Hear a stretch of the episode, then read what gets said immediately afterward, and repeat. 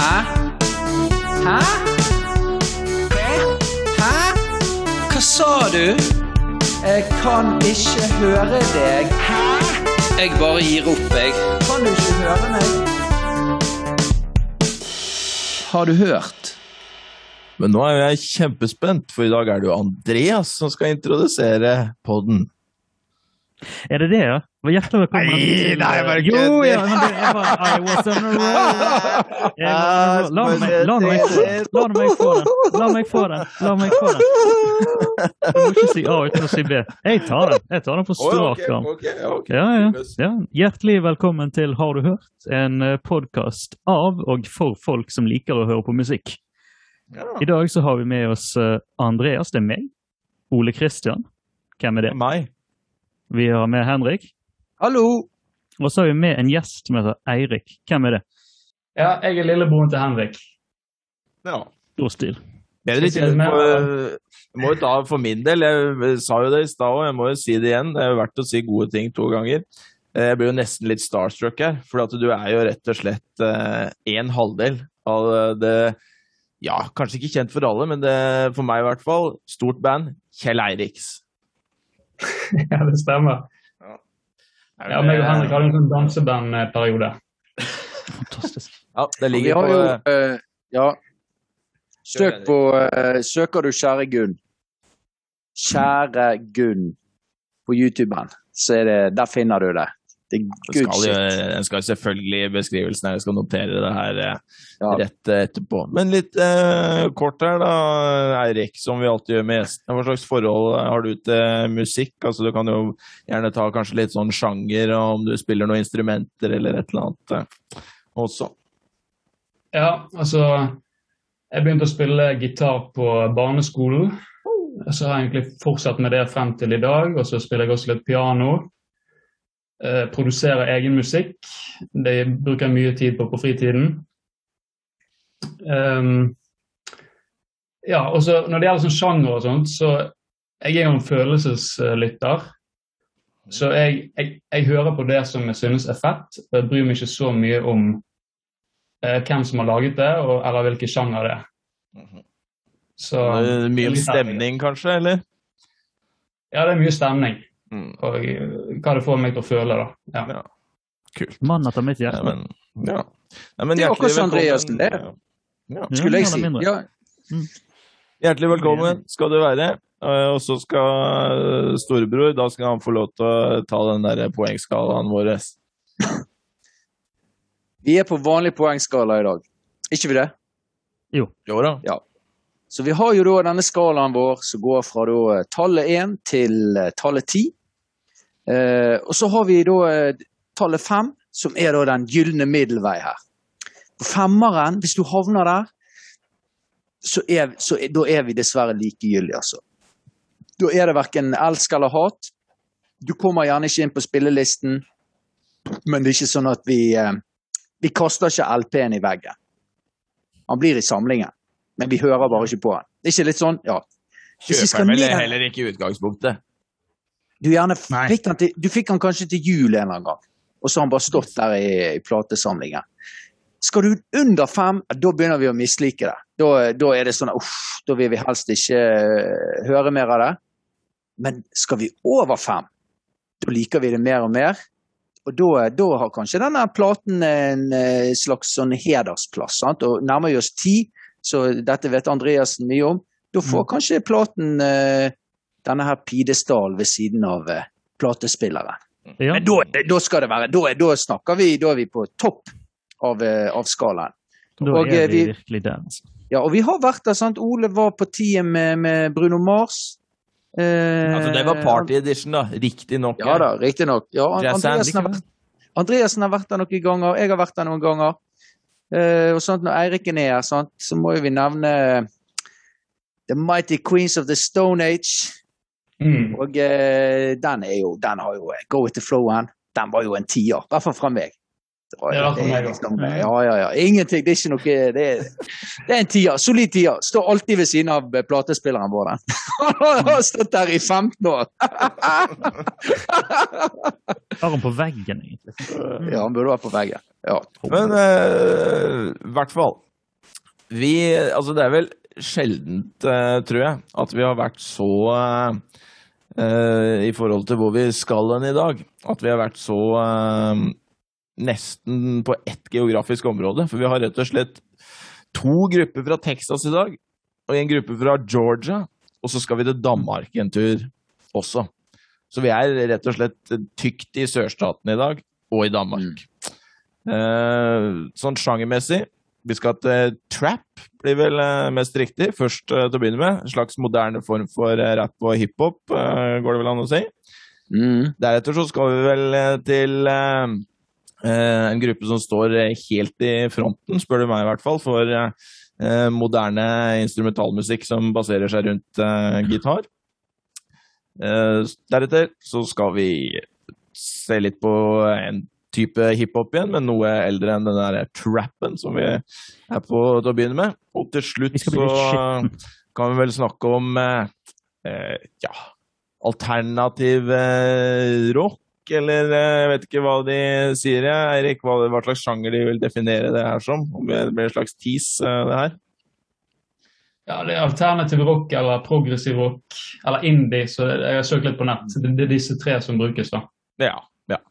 Så det Vi har en, har en slags bredde i sjanger òg, da. Men det geografiske området er vi tjukt, tjukt i sørstaten i dag. Vi durer av gårde, vi.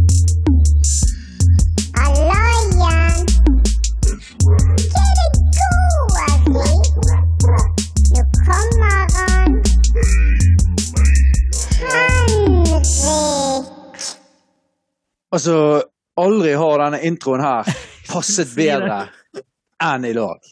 Enn så snytt ut av nesen på vedkommende. Altså, vi I dag, endelig, kanskje så, altså, Folk skulle jo trodd at det kanskje var en uh, rap-trap-aften, dette her. Men det er jo ikke det. Det er ikke temaepisode i dag. Men um, vi skal til sørstatene, som uh, Ole. Vi er, i, uh, vi er i nåtid denne gangen. Men uh, sangen som uh, skal snakkes om, er fra 2016. Det er vel på en måte nåtid, ikke det?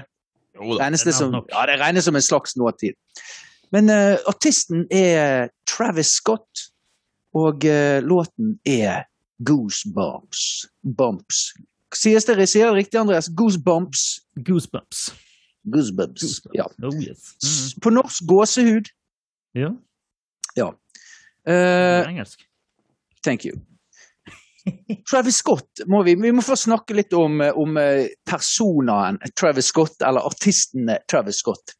For han er jo, eh, kanskje for de aller fleste, for mannen i gaten, er han jo kanskje kjent som, eh, som eh, kjæresten Jeg vet ikke om de er gift, men, men iallfall eh, kjæreste slash samboeren til en av disse her Kardashian-søstrene. Og jeg må jo si at for meg som eh, Jeg har vært innom Kardashians, eh, særlig når jeg har vært i, var i farspermisjon nå sist gang. Så nøt jeg eh, noen eh, For det er ikke, når du ser på Kardashian, så er det ikke snakk om å nyte episoder, så da nyter du sesonger. Eh, men, men, fikk eh, aldri helt med meg hva denne her søsteren heter. Er det noen av som vet hvem altså Det er en av de Jenner-søstrene. Ja. Det er noen som har peiling? Nei, det er ikke Kylie. Nei, nei, Kylie. Kylie, mener jeg. Ja. Det er Kylie. Chloe, Chloe, Chloe som er Travis Barker. Ja, ok, da er vi med. Mm. Så ble det, var det Kylie vi ble enige om? Eller Chloe? Ja. Det er Kylie. Mm. Kylie. Kylie Jenner. Eh, milliardæren. Men iallfall Travis Scott er da eh, sammen med hun her. Eh, har vært en stund. De har barn sammen. Venter visstnok sitt andre barn. Så jeg må jo innrømme det at uh, jeg på en måte Første gang jeg hørte navnet til han her, så var det gjennom uh, da, Så da satt jeg i farspermisjon og lurte på hva meningen med livet var. Og så, da, uh, og så på Kardashians, og så kom dette navnet her opp. Og i, i, etterkant av det så har jo jeg på en måte har jo han dukket opp da som, på sfæren min som artist. Og han Travis Scott han er jo en uh, relativt ung rapper eh, som har fått uh, mer og mer anerkjennelse. Og så vidt jeg vet, så er han vel en av de liksom kanskje mest kjente rapperne om dagen. da. Og eh, han har blant annet sin egen eh, festival. Og eh, når jeg nevner festivalen, mm. så må det òg nevnes det at nå eh, i dag, eller i går, nå når vi spiller inn denne episoden, ja, ja, så, eh, så, var det nemlig en hendelse på denne festivalen hans under hans konsert, der da åtte personer, eh, så vidt jeg vet, mast livet. da. Mm. Og eh, det Sist gang jeg så, så var det, spek det spekuleres fortsatt om, eh, om årsakene til, eh, til, hvorfor. Og han og Travis Scott har selvfølgelig fått masse kritikk for, for, for alle mulige ting for dette her. Um, men det jeg vet, da, det er jo at, at, det er første gang han får kritikk for konsertene sine. Da, for han er, han er visst kjent for at uh, han liksom ildner opp publikummet sitt voldsomt, og, eh, folk eh, er oppe på scenen og stagediver, og det tar liksom helt av. Så det er på en måte en slags eh, moderne rockekonsert nærmest når han holder på. Det er moshpits og eh, alt mulig. Så det tar visst helt av på disse her showene hans.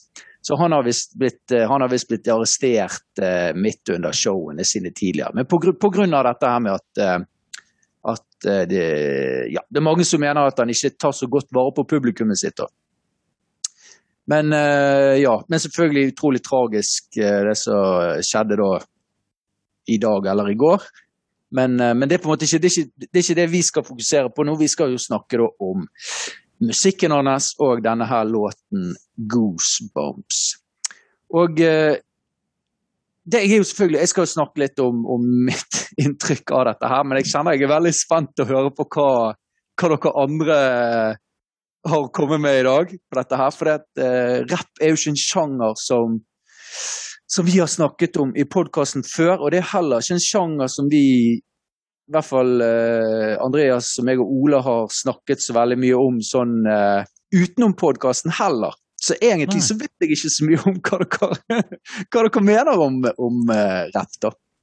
Men i alle fall, grunnen til at jeg valgte denne sangen her, det er fordi at uh, jeg syns at han så Når du snakker om hiphop, så er det jo snakk om Da snakker ikke man om musikk, da snakker man om beat. Beaten.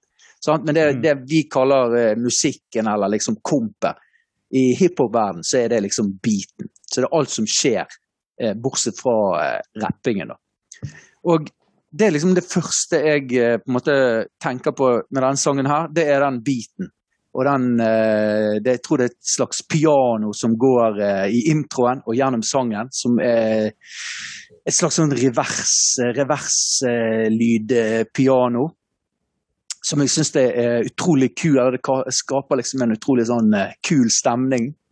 og så er det jo gitar på han, som òg er liksom all, Alle lydene er på en måte veldig sånn bearbeidet. da men eh, som gjør at denne sangen Han høres litt sånn, eh, litt sånn rar og nesten litt sånn truende, truende ut. da. Så, eh, så, det var egentlig først det jeg ville snakke om med dere. Da. Det er denne biten. For jeg har jo tenkt at en, altså det var jo sånn at når rocken døde, så var jo det hiphopen som tok over. Bold claim. Yes. Ja. Sånn? Mm. Og eh, jeg er vel ikke den første som påstår at rocken rocken døde for Ja, det er ganske lei. Han døde vel kanskje til og med før eh, Ole ble født. Kanskje rundt der. Ja, rocken er nok død, ja. Det er nok sant. Men da var jo det hiphop som tok over. Og, og en av og i hvert fall når jeg hører på denne sangen her, så på en måte så er det litt sånn at så skjønner jeg hvorfor hiphop er så stort som det er. Fordi at de eh, føler når rocken på en måte har gått i en, i en litt sånn retning der liksom lyden har blitt veldig sånn rein, alt er veldig sånn kalkulert, alt er veldig teknisk. Eh, så føler jeg at sånn som denne her, her er det mye mer sånn eh, Altså, de tar litt sånn større sjanser. De gjør mer sånn merkelige ting med lyden.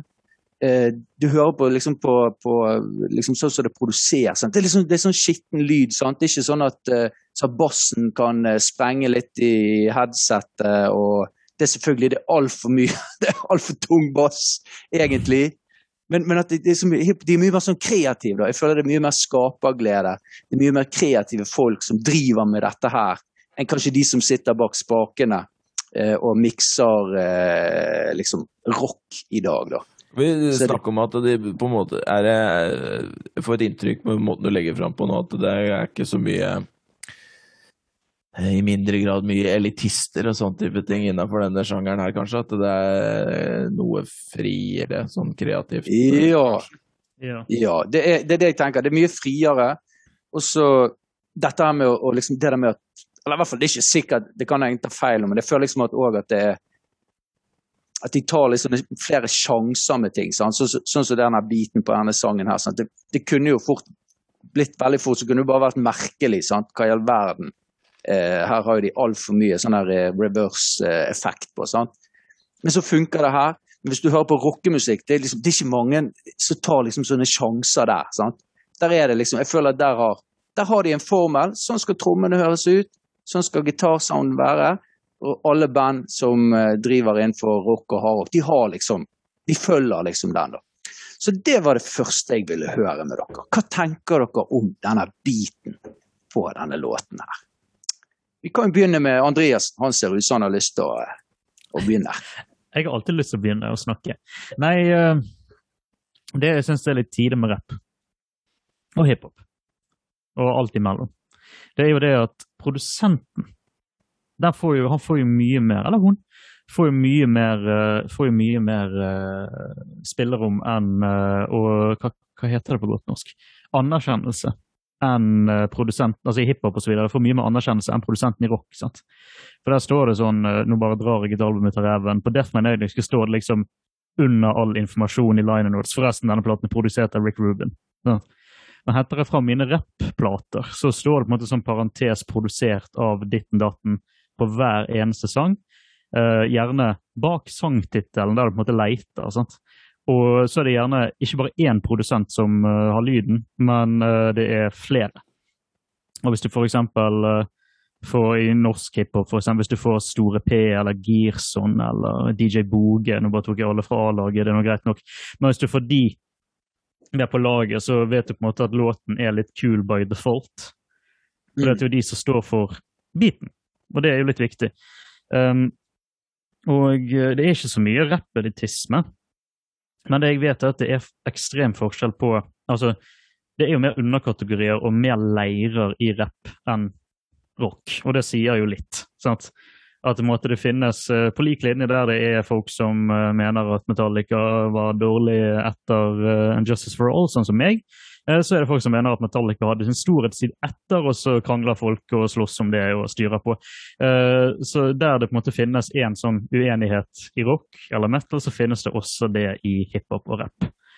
Eh, og jeg er i leiren gamleskolen, for vi har jo nå en rød tråd i form av eh, en kvinne. Uh, på lik linje med den festepisoden så har vi en rød tråd i form av en kvinne. Hun skal ikke inn her nå, da. Poenget er den røde tråden det er det at det er Ole sin venn. Det er Eirik sin eh, svigerinne. Det er min søster og Henrik sin kone. Og det er da Karianne. Vi kjenner Karianne, og det hun lærte meg da jeg var ti-tolv år gammel, det var at jeg måtte uh, høre på hiphop. Uh, gjerne produsert uh, i Los Angeles på rundt 90-tallet. Og det er jo, og den, da har jeg på en måte holdt meg til den biten av hiphopen der, den eh, 90-tallets hiphopen, som er jo litt forskjellig fra hva det er du har sendt i dag. for å si Det sånn. Det har jo skjedd en stor utvikling. der, sant? Vi har jo tidligere vært inne på 808-maskin, sant? sånn trommemaskin osv., men nå er det mye mer low-key, at du på en måte, som du sa, skal forvrenge osv. Så videre, det, det er sånne ting som på en måte jeg bare har latt gått forbi i stillhet. Men når jeg på en måte ble ikke tvunget til å høre på det, men vi hører jo gjennom disse låtene kjempemye. eh, At det på en måte har kanskje satt litt mer pris på den type beat. da. At det blir en slags sånn forvridd, litt sånn lett paranoid Litt sånn gåsehudstemning eh, på den. Så jeg syns den biten er ganske kul, egentlig. Dette skal jeg fortelle liksom- til din søster, Andreas, at du har våget Ja, å høre på noe annet enn 90-tallsrapp. det skal jeg si på. ja det var jo, det var jo, Ja, din- det var jo din feil. Ja, Hun kommer til å bli forbanna. Nei, men greit. ja, det tror jeg på. Nei, men, nei, men, jeg, nei, men jeg er helt enig. Ja, men det er liksom det. Sånn at De tar liksom eh, Og det, så, all, det har vi jo vært inne på. Sant? All, all musikk innenfor sjangre bygger jo på noe som har gjerne vært tidligere i sjangeren. Mm. Og eh, Ja, men det, det er liksom det jeg òg tenker. Altså de, at de forvrenger. Sant? At de nesten sånn overdriver eh, noen elementer. Men veldig sånn, men veldig sånn kreativt. Jeg syns det liksom her og på denne låten her, så er det liksom Ja. Det er gjort veldig sånn kreativt. Så Mm. er de liksom eh, de, de skaper liksom en Det skaper en stemning, veldig, den her eh, biten på den låten. Liksom fra første stund. Og liksom blir sånn her, I hvert fall jeg, da. Så jeg blir liksom sugd inn med en gang jeg hører den her eh, introen på den sangen her. Ja, Den er jævla kul. Og det, jeg har jo en, eh, en svoger som eh, er i USA. Og han har jo på en måte fått lov til å Han er jo på en måte en del av en sånn, sånn undergrunns-trap-hop-miljø. Altså sånn på ekte. Han er på en måte godt inne i miljøet. Mm. Uh, har merch og uh, hva kan vi si, går på konserter og får deng og styrer på med de greiene der. Og det, er på en måte sånn, altså det, det har den, den type beat og den type produksjon og den type følelse du får av disse sangene her, eller disse her eh, produsentene her, det har en sånn altså det har en sånn kult-following som på en måte norsk black metal bare kan drømme om. Altså Det er så altså sant, det er så mystisk og skummelt og, og stilig. Da, så Nei, jeg, jeg er ganske fan. Var ikke det Mm. før, men ble jo det litt i løpet av, i løpet av disse gjennomlyttingene, tror jeg. Og utforsket litt. I mangel av et bedre ord kult. Sånt. Ja, hva sier dere to, eh, dere to, da? Hva tenker dere? Hva sier du, Eiriken? Har, du noe- har du gjort deg noen, tanker, hvis du tenker, noen tanker om, eh, om dette her? Jeg er egentlig litt kritisk til den låten her, da. Mm. Um, ja, jeg Beklager det. Men uh, altså, jeg, jeg syns det blir litt sånn Jeg syns beaten er litt sånn um, ek, ek, eksperimentell. Mm. Litt sånn atonal. Og jeg får liksom ikke helt den der grooven eller den der godfølelsen. Det blir liksom litt for sånn um, Litt for spaced. Og så syns jeg han blir litt sånn slitsom når du hører på han uh, lenge. Men jeg liker veldig godt det der, når, gitar, det der gitarpartiet, den lille breaken som kommer et par ganger. Mm. Jeg syns den, den bryter veldig fint opp og gjør at det på en måte går an å lytte på den. da. Men for meg så får jeg liksom ikke helt den der digge-følelsen. Det Men det er liksom Ja, det er mer sånn teknisk og eksperimentelt, da syns jeg. Mm.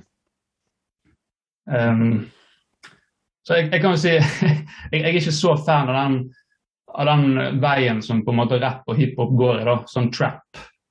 At det liksom det er mye sånn her eh, fokus på high-hats og eh, litt sånn slapp vokal som er prosessert gjennom autotune. Jeg, jeg er ikke så stor fan av det, da. Um, ja, men det er det jeg har å si foreløpig. Nei, jeg kan jo eh, stille meg bak deg på, på det her med mm, dette her gitarspillet, Eirik. Altså, det er vel eh, Hva er det? Like barn leker best, eller noe sånt. når Jeg spiller og gittspill, ja. Så da vel med det. Men det er akkurat det du sier, jeg steller meg 100 eh, um, bak det. Og så har vi jo Jeg må jo pirke litt på Henrik og si at vi har jo vært en liten tur innom eh, Eller kanskje en stor tur innom rap tidligere, for jeg valgte jo en, hadde jo med en låt fra en, eh, Eminem. tilbake i uh, noen episoder. Men det begynner å bli en stund siden. Men, Men er eh, ja, ja, greit, vi tar ikke den nå. Ja. Balladerapp, sier jeg bare. men, men uh, poenget var jo at eh, jeg hadde nå min periode med, med rap, jeg òg. men liksom det som eh, på en måte har satt seg hos meg som noe jeg kommer tilbake til, er jo Eminem. Så jeg er mer eh, der, da. eh, rent personlig. Eh, men så syns jeg eh, for så vidt denne biten her som vi snakker om nå, er, eh, er eh, in interessant, da.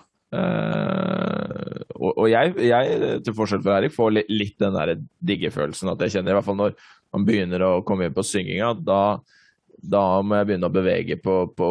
Tar jeg meg da begynne å bevege på, på hodet. Og det tror jeg noe er, det, er noe med den derre eh, bassen. Så kanskje liksom Eirik var inne på det med den derre eh, veldig prosesserte vokalen. Som, for, så jeg er ikke så kjent i den sjangeren her, men det er noe jeg har inntrykk av er liksom er et sånt sjangerkjennetegn som er liksom nytt da, med trap sammenligna med mer tradisjonell rap.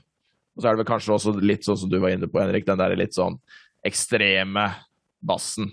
Litt sånn overdrevne eh, bassen, da. Eh, ja, så, så er nok jeg kanskje Ja, den vokalen beveger meg kanskje ikke i hvert fall ikke den autotune-vokalen. da Beveger meg liksom ikke ene eller andre veien sånn veldig. Den, den er nå del av låta og, og, går greit for meg, liksom, men, men i, i, sammenheng med beaten, og særlig den her overdrevne bassen, da, det får liksom meg til å bevege eh, hodet mitt eh, her, da. Så den, den bærer det. Eh, bærer det litt sånn sett eh, for, for, min del. Så, så, særlig sånn det første Første delen av låta, fram til noen andre elementer som vi kan komme inn på seinere, eh, så, så, er jeg liksom eh, ja, positivt innstilt, da. Jeg, jeg beveger på huet og, og, og, digger og er, er, litt med, liksom. Mm. Eh, så kan vi komme inn på noen av de elementene jeg kanskje ikke er så jævlig gira på. ja, det, det kommer. Nei, men, det, men, det, er jo det jeg tror òg. For det, det, det er jo òg For jeg har jo eh, har jo en måte alltid følt, følt, med på rapp. Og det, det, det har jeg ikke sagt uh, før. Jeg vet ikke, det har sikkert ikke sagt til dere heller, men Your Boy her har jo en, uh, en bakgrunn fra uh, den bergenske hiphop-scenen, vet du. Og jo, har jo lagt ned noen bars eh, sjøl back in the days. Da vi, men da skal vi langt tilbake. In the days. Men har jo alltid, men liksom alltid fulgt liksom med litt sånn på hva som skjer i hiphopen, da. Men, men, det jeg ser, i hvert fall, hvis du ser på konsertopptak sant, fra, fra eh, artister, f.eks. han Travis Scott og andre, uh, så ser du altså det er jo på en måte, Hvis du ser på publikum, og det var jo innom i sted, så ser du på publikum og ikke vet hva artist er, så er det nesten så du kan tro at du er på en, liksom, en metal-konsert. For det er liksom, liksom publikum reagerer på samme måte. Og jeg tror, og det var liksom, det er noe som har kommet på uh, ja, i hvert fall 2010-tallet, da. At eh, jeg, jeg, tror mange av disse, eh, disse her hiphopartistene på en måte Kanskje de, har, altså de spiller på større og større scener. Uh, for Jeg husker eksempel sånn jeg var på festival på gjerne sånn tidlig 2000-tallet. Da var det nesten ing, altså det, var nest, det var nesten ikke hiphop i det hele tatt. Og hvis det var noe hiphop, så var det alltid på de minste scenene. Sant? Mm. Gjerne inni et telt men, men, nå, på en måte, nå, nå, kan jo altså Nå er jo det artister, hiphopartister, som kan headline store festivaler. Sant? Så det er mye større publikum. Og det er der jeg tror mye av denne bossen For det er den som gjør det på en måte heavy. Og det er den, det er den jeg ser at publikummet reagerer på. Sant? Og for eksempel denne sangen her. Når han begynner med dette her, eh, som i hvert fall, Vi har jo vært i sånn her, hva er vers og hva er refreng på en del av låtene vi har snakket om.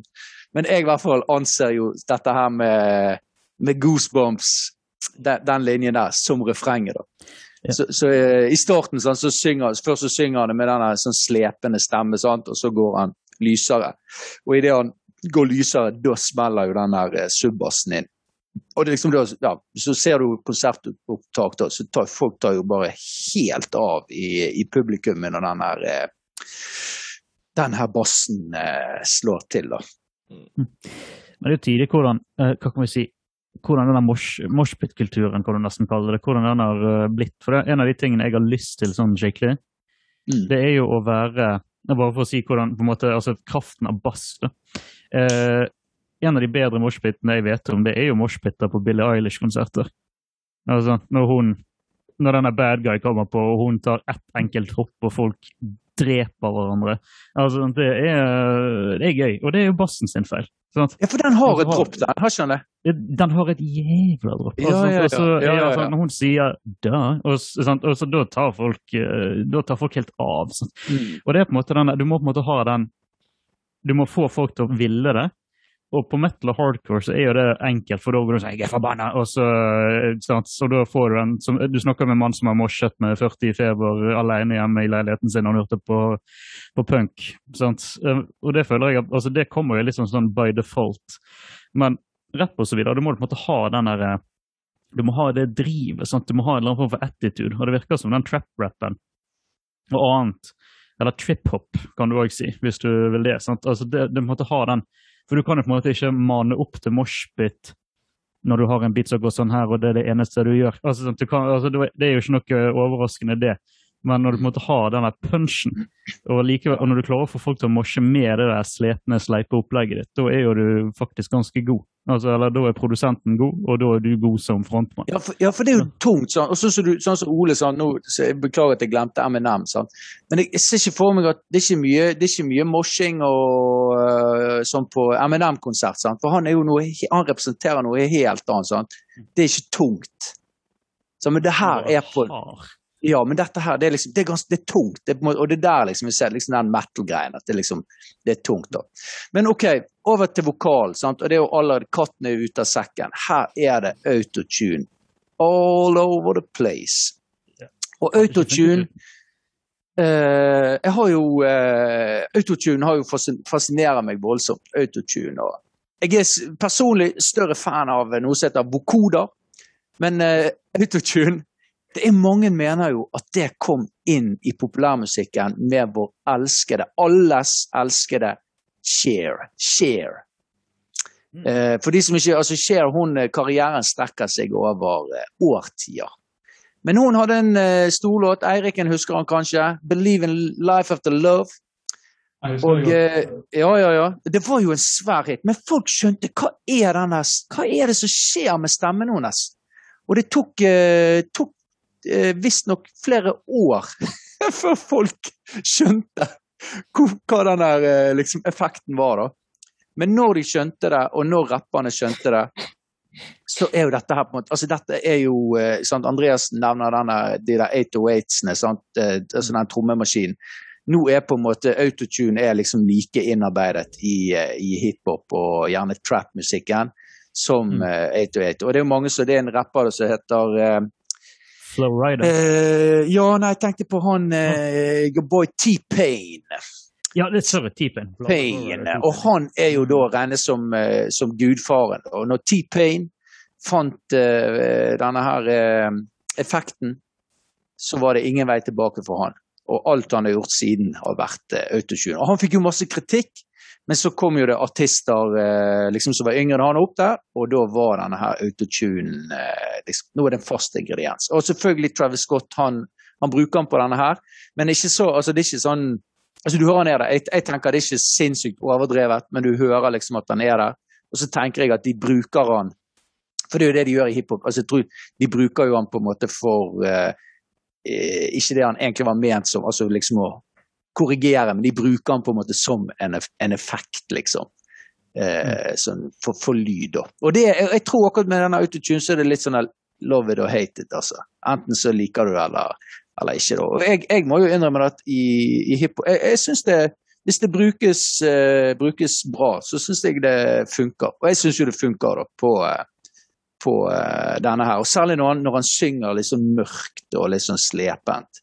Syns jeg det, synes det er kult der. Så når det er liksom sånn lyst og det blir skikkelig sånn her eh, Ikke om dere har sett den der eh, Trolls-filmen, men der er det, tror jeg det er en som var er så.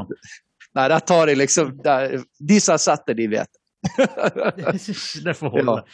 Mm. Men eh, ja, men da vokal, hva tenker dere? Vokal, Ola har vel allerede sagt det. han, var, han er ikke så begeistret for eh, Eller Eirik som sa det. Eiriken var ikke så begeistret for Det Jeg er mer likegyldig, egentlig. Ja, så det er vel sånn ja. du, Jeg syns det var fint du sa det, Henrik. At altså, for autotune er jo, er jo krydder over all moderne musikk, men det er jo to Mm. forskjellige bruksområder, og her er jo et veldig tydelig eh, eksempel på det som en effekt, nemlig som du sa. Ja. Men altså, autotune er eh, La det være Ja. tydelig sagt, det er overalt, men Ja, da brukt som en uh, mild uh, korrigering. Jeg hørte jo noen faktisk litt sånn liten digresjon, men noen diskuterte, jeg husker ikke hvem det var, men snakka om at det, er jo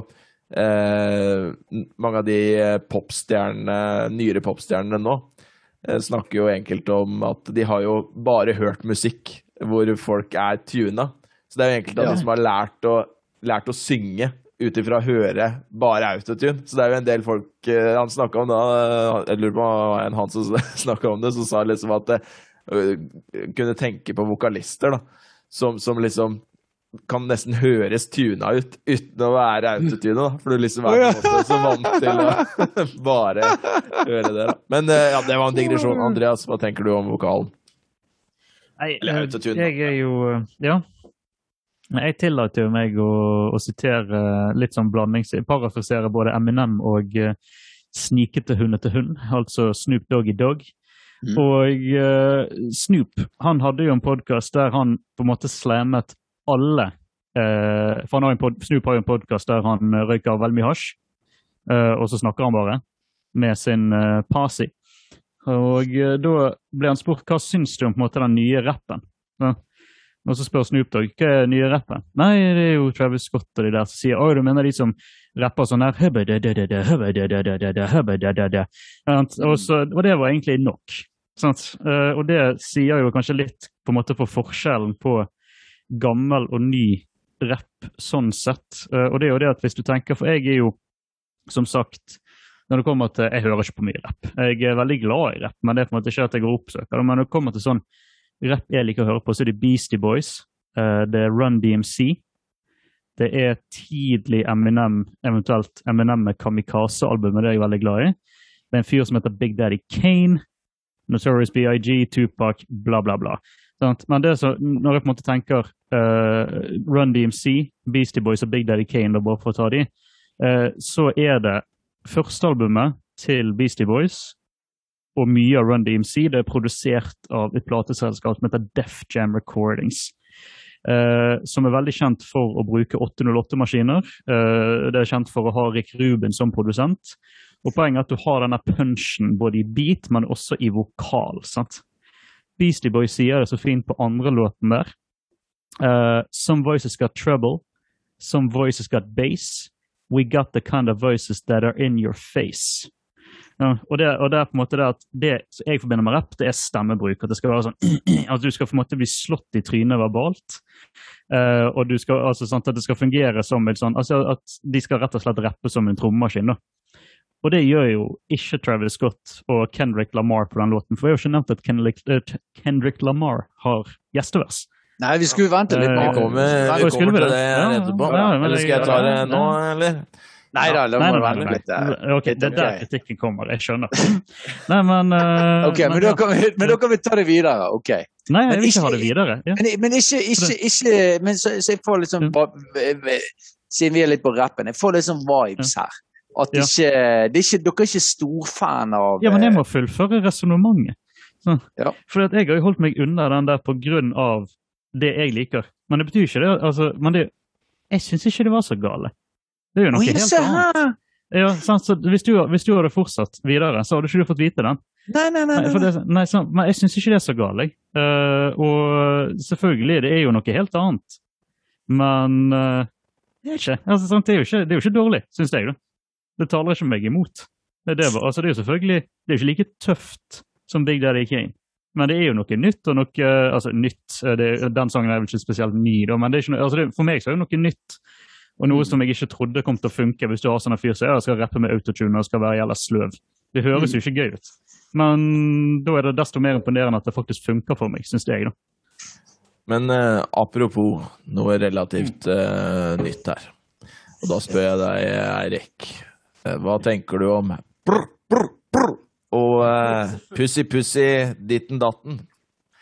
Hva tenker du om det? Nei, Altså, jeg syns det siste verset det dreper jo hele låten, holdt jeg på å si.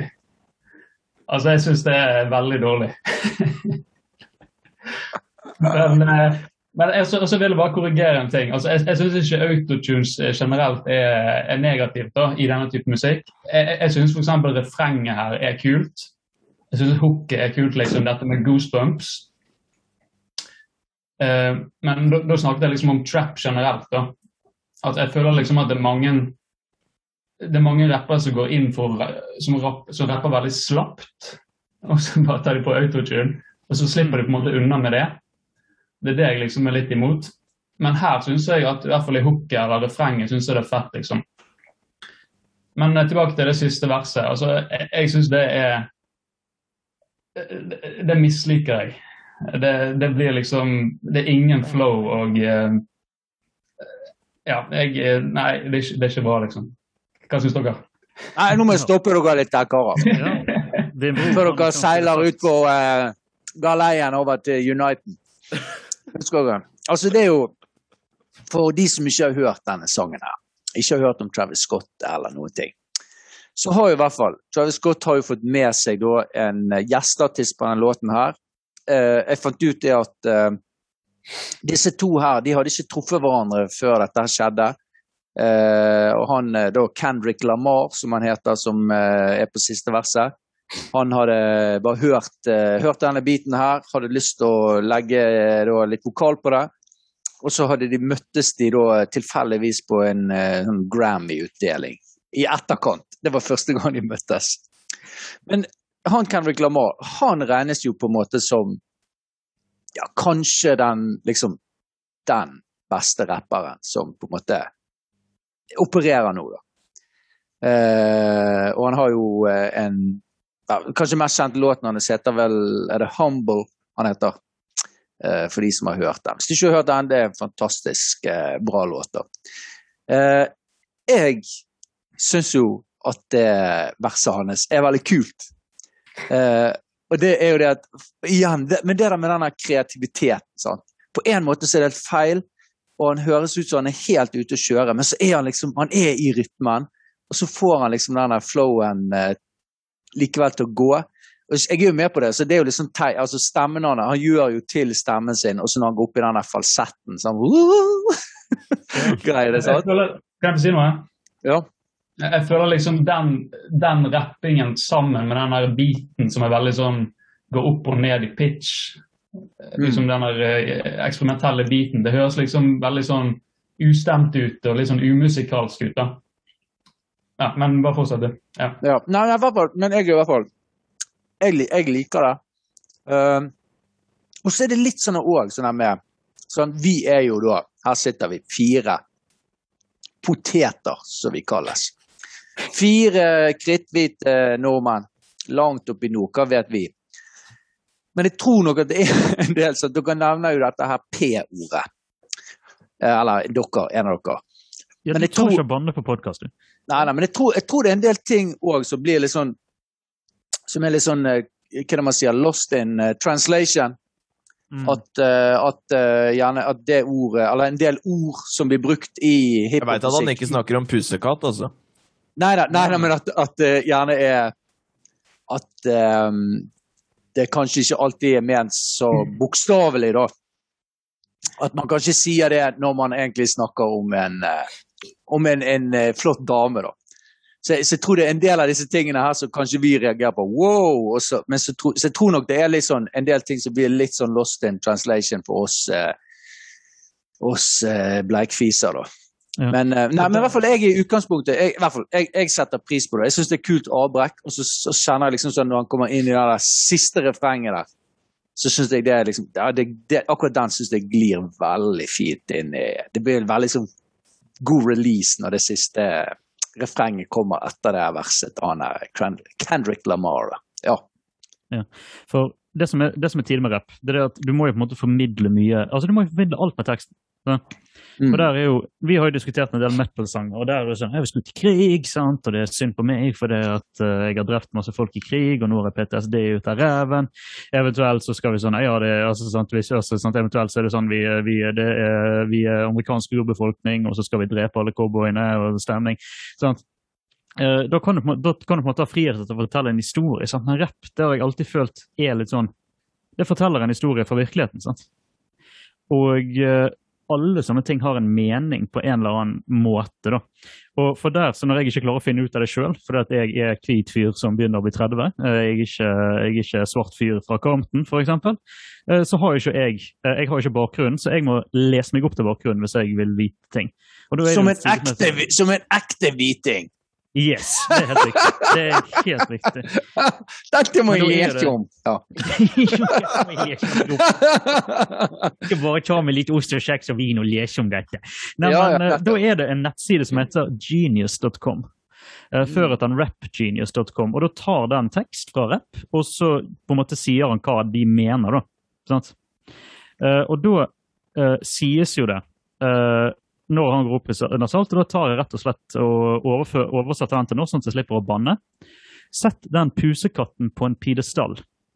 Sett den pusekatten på en høy hest. Den pusekatten kan man dø for. Den pusekatten kan man dø for. Eh, og det eneste det er, det er en referanse til The 40 Year Old Virgin fra 2005-filmen. Rett og slett. Eh, at det på en måte er et slags homasj til den filmen. Og hvorfor det er inni, det står det ikke. Men uh, det, eneste, det, eneste, det står her, det er det at uh, det er en hyllest til kvinnen. Når folk bruker den frasen, så er det hyllest til kvinnen. Uh, det er nødvendigvis ikke hyllest til det de synger om i sangen, men det er hyllest til kvinnen generelt. Takk, Andreas. Takk. Altså, for ja. du, du, er en, du er en, en urban diction, dictionary. Ja, men jeg er, så, ja, og, jeg er så glad for at du, du backer I dag så backer du meg. Jeg setter, ja, jeg, så, pris, jeg, jeg setter så pris på det. Ja. Men herregud, det må jo skje. Men, men uh, hva sier Vi må ha, vi må ha en, uh, noen siste ord fra disse her to uh, gitartypene her. Ja. Meg, du er jo fire i dag, altså! Ja. Sånn der rotta. Nei, men da får jeg og Eirik rotte oss sammen nå, for jeg er jo mye mer enig med Eirik her. Altså, det her er i hvert fall altså, for med en gang han kjører i gang det der brr-brr-greiene, da bare er jeg sånn åh, åh, så kleint. Det er liksom det, det første Du er en uh, maskingunner. Ja, ikke sant? Altså, det er, det er, det er så altså, det er så Jeg syns det er så kleint. Det tar meg så ut. Og jeg er veldig enig med det Eirik sier, at den, det er verset til Kendrick Lamar. Ja, jeg jo liksom hører den der, litt sånn der ustemt, umusikalsk, eh, den vanlige rappinga. Jeg liker det der slags det er noen sånne harmonier og sånne ting som kommer inn der, som er eh, litt sånn kult midt inni. Men når det derre der pussy-greiene kommer, da bare Å, herregud. Og det er liksom For meg så på en måte En del av teksten i låta da, det er på en måte det er dop og damer og, og money bitches. Hele greia bare skrudd opp til elleve, liksom. Og ja, sånn som jeg, den låta jeg tok, har tatt av Eminem da, den When I'm Gone, det er jo en veldig sånn tekst som er ganske sånn personlig og forteller en historie. Og, og det er kanskje de låtene innenfor rapp jeg liker eh, best. da. Og kanskje derfor jeg liker Eminem eh, ganske godt òg, at han har en god del sånne, sånne tekster som har eh, mer personlig preg. Eh, og, og, og, maler det her.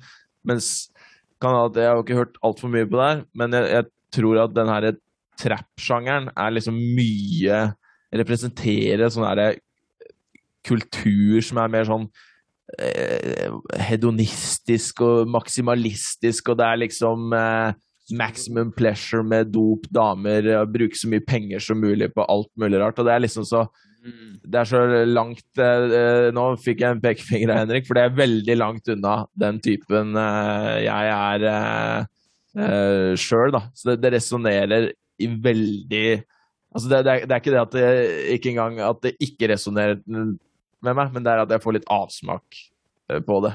Ja. Rett og slett. Ja. Det det kan si, for det, i hvert fall det siste ordet fra meg. Men det, det er liksom Sånn som jeg det forstår meg teksten her, det er jo liksom at, at her liksom det er en fyr som på en måte er Uh, han er ja, litt sånn som du beskriver. sant? Altså En, en fyr som uh, driver med dop og slenger rundt og henger med gutter. og Det er liksom uh, Det er maskingevær og alt mulig. Men likevel, når hun har damen på en måte viser seg, eller kommer til han, så får han liksom gåsehud. Da. Så jeg syns jo det er en veldig sånn fin greie, egentlig. sant? At selv om han er Eller han viser liksom at selv om du er på en måte denne stereotypen, sant? så, så du liksom, har, har, du likevel følelser, og liksom kan fortsatt få Du får også gåsehud når, eh, når du ser eh, den eh, damen som du så, så har du fortsatt uh, The special one, ikke sant Andreas? Ja, Nå, I dag er det meg og deg. dag, ja da, men det, jeg, jeg, er helt enig. Uh, kan ja, jeg bare hoppe over på poeng med en gang? Ja, ja, ja. Andreassen først. Andreasen først. Ja da, jeg tar det. Nei, altså det som er, det er at uh, jeg må jo kommentere Kendrick Lamar jeg òg ganske kjapt. Uh, og det første jeg Første gang jeg hørte det, så tenkte jeg fy faen i helvete, så jævla drit. Altså, sånn, for det, altså, det altså, kommer her og med denne tullestemmen og styrer på. Men så, på lik linje da, det, Jeg tenkte det samme da jeg hørte på Sabbath for første gang. Sant? Uh, og så kommer igjen den røde troen. min søster, kommer inn i bildet der hun sa denne platen Du får ikke lov til å snakke med meg før du har hørt den fem ganger. Sånn. Og så ga det jo mening. Det er det samme vi sier til deg, det. Ja, egentlig. Ja, nei, men eh, sant? Og, og, da, og, det, og etter å ha hørt det litt, så syns jeg at den er ganske kul. Sant? Og spesielt når du tar et dypdykk i teksten. Sant? Og, uh, jeg liker det ganske godt, egentlig. Det er ikke en sang jeg kommer til å Jeg kommer ikke til å lagre den på telefonen, men jeg kommer til å huske den for alltid. Det er ikke alle jeg gjør med det, da. Men uh, og når jeg hører Kendrick Lamar sitt vers, så får jeg litt sånn Jeg vet ikke om det er meningen, men jeg får litt sånn assosiasjoner til Adrock i Beastie Boys, tidlig Beastie Boys. Uh, og for de som ikke tar referansen, så Adrock, når han på en måte rappet, så avsluttet han alltid med å gjøre sånn! sånn. Altså at han gikk på en måte veldig nasalt fordi det var jævlig irriterende opplegg, men det funket for Adrock. da. Og Jeg vet ikke om det er et lite homasj til Adrock eller om det er uh, noe annet, men jeg, jeg syns det er kult, bare. Og jeg tenker jo at det er nesten, og nesten uh, Apropos, tenker er også en liten sånn homasj til uh, Outcast. Faktisk. Faktisk. Ja, Ja. apropos. Apropos. Og, ja. apropos. Nei, jeg, eh, jeg trodde ikke at jeg skulle gi denne sangen høyere enn fire. Uh, ved første gjennomlytting, men med flere gjennomlyttinger så klatrer vi opp på syv og en halv. Økning på tre og en halv poeng, for å si det sånn. I Så get the jeg er- every time, yo. You come yes. on your Ja. Da får eh, Eirik en, da. wow, wow. Nykommeren. Lille gutt. Oi. Ja, det var gøy. Jeg har kanskje fremstått så veldig kritisk, da. Men eh, altså, jeg liker jo Jeg må få frem at jeg liker hooket, refrenget. Og jeg vet ikke om dere har hørt at det ligger en sånn remix ute. Nei. Jo. En litt, sånn, eh, litt mer sånn elektronisk dansemusikk-remix der. Jeg har hørt den. som har sånn over 300 millioner views. Og den har jeg faktisk hørt en del på, og den digger jeg. Og da rendyrkes jo liksom dette refrenget da, i en sånn drop. Så ja, jeg liker refrenget, og ja, så det gjør at jeg blir ikke likegyldig, så jeg gir han seks av ti. Holder deg, holder deg godt.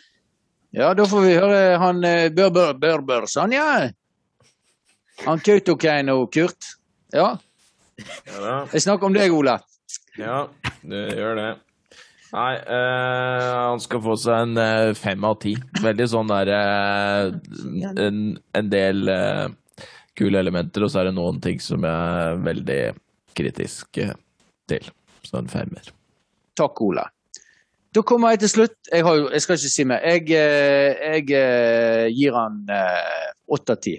Jeg syns det, det er veldig kreativt. Og jeg har selvfølgelig, altså det hooket er jo det er gull, det hooket. Og jeg har jo hørt den her som Eirik nevner, sant? den her versjonen av han, sant? Og det er, det er, liksom, det, det er gull, det hooket. Og jeg syns det er kult, det verset han her, Kenny Lamar òg. Åtte av ti, baby! Og før vi eh, går videre til, til nestemann, så vil jeg bare påpeke at vi begynte vi, ja, vi begynte Jeg tenkte Ole skulle få tid til å regne, det er litt vanskelig av og til. Nei, eh, vi begynte jo med denne sangen her fordi at vi trodde at det skulle ta kortest tid. Jeg sier ikke mer. Nei da. Hva sier du, eh, kalkulator? 6,63 baby. Eller plutselig da eventuelt i denne konteksten her. Yes. Propp, propp! Nå skal jeg drikke hostesaftespray.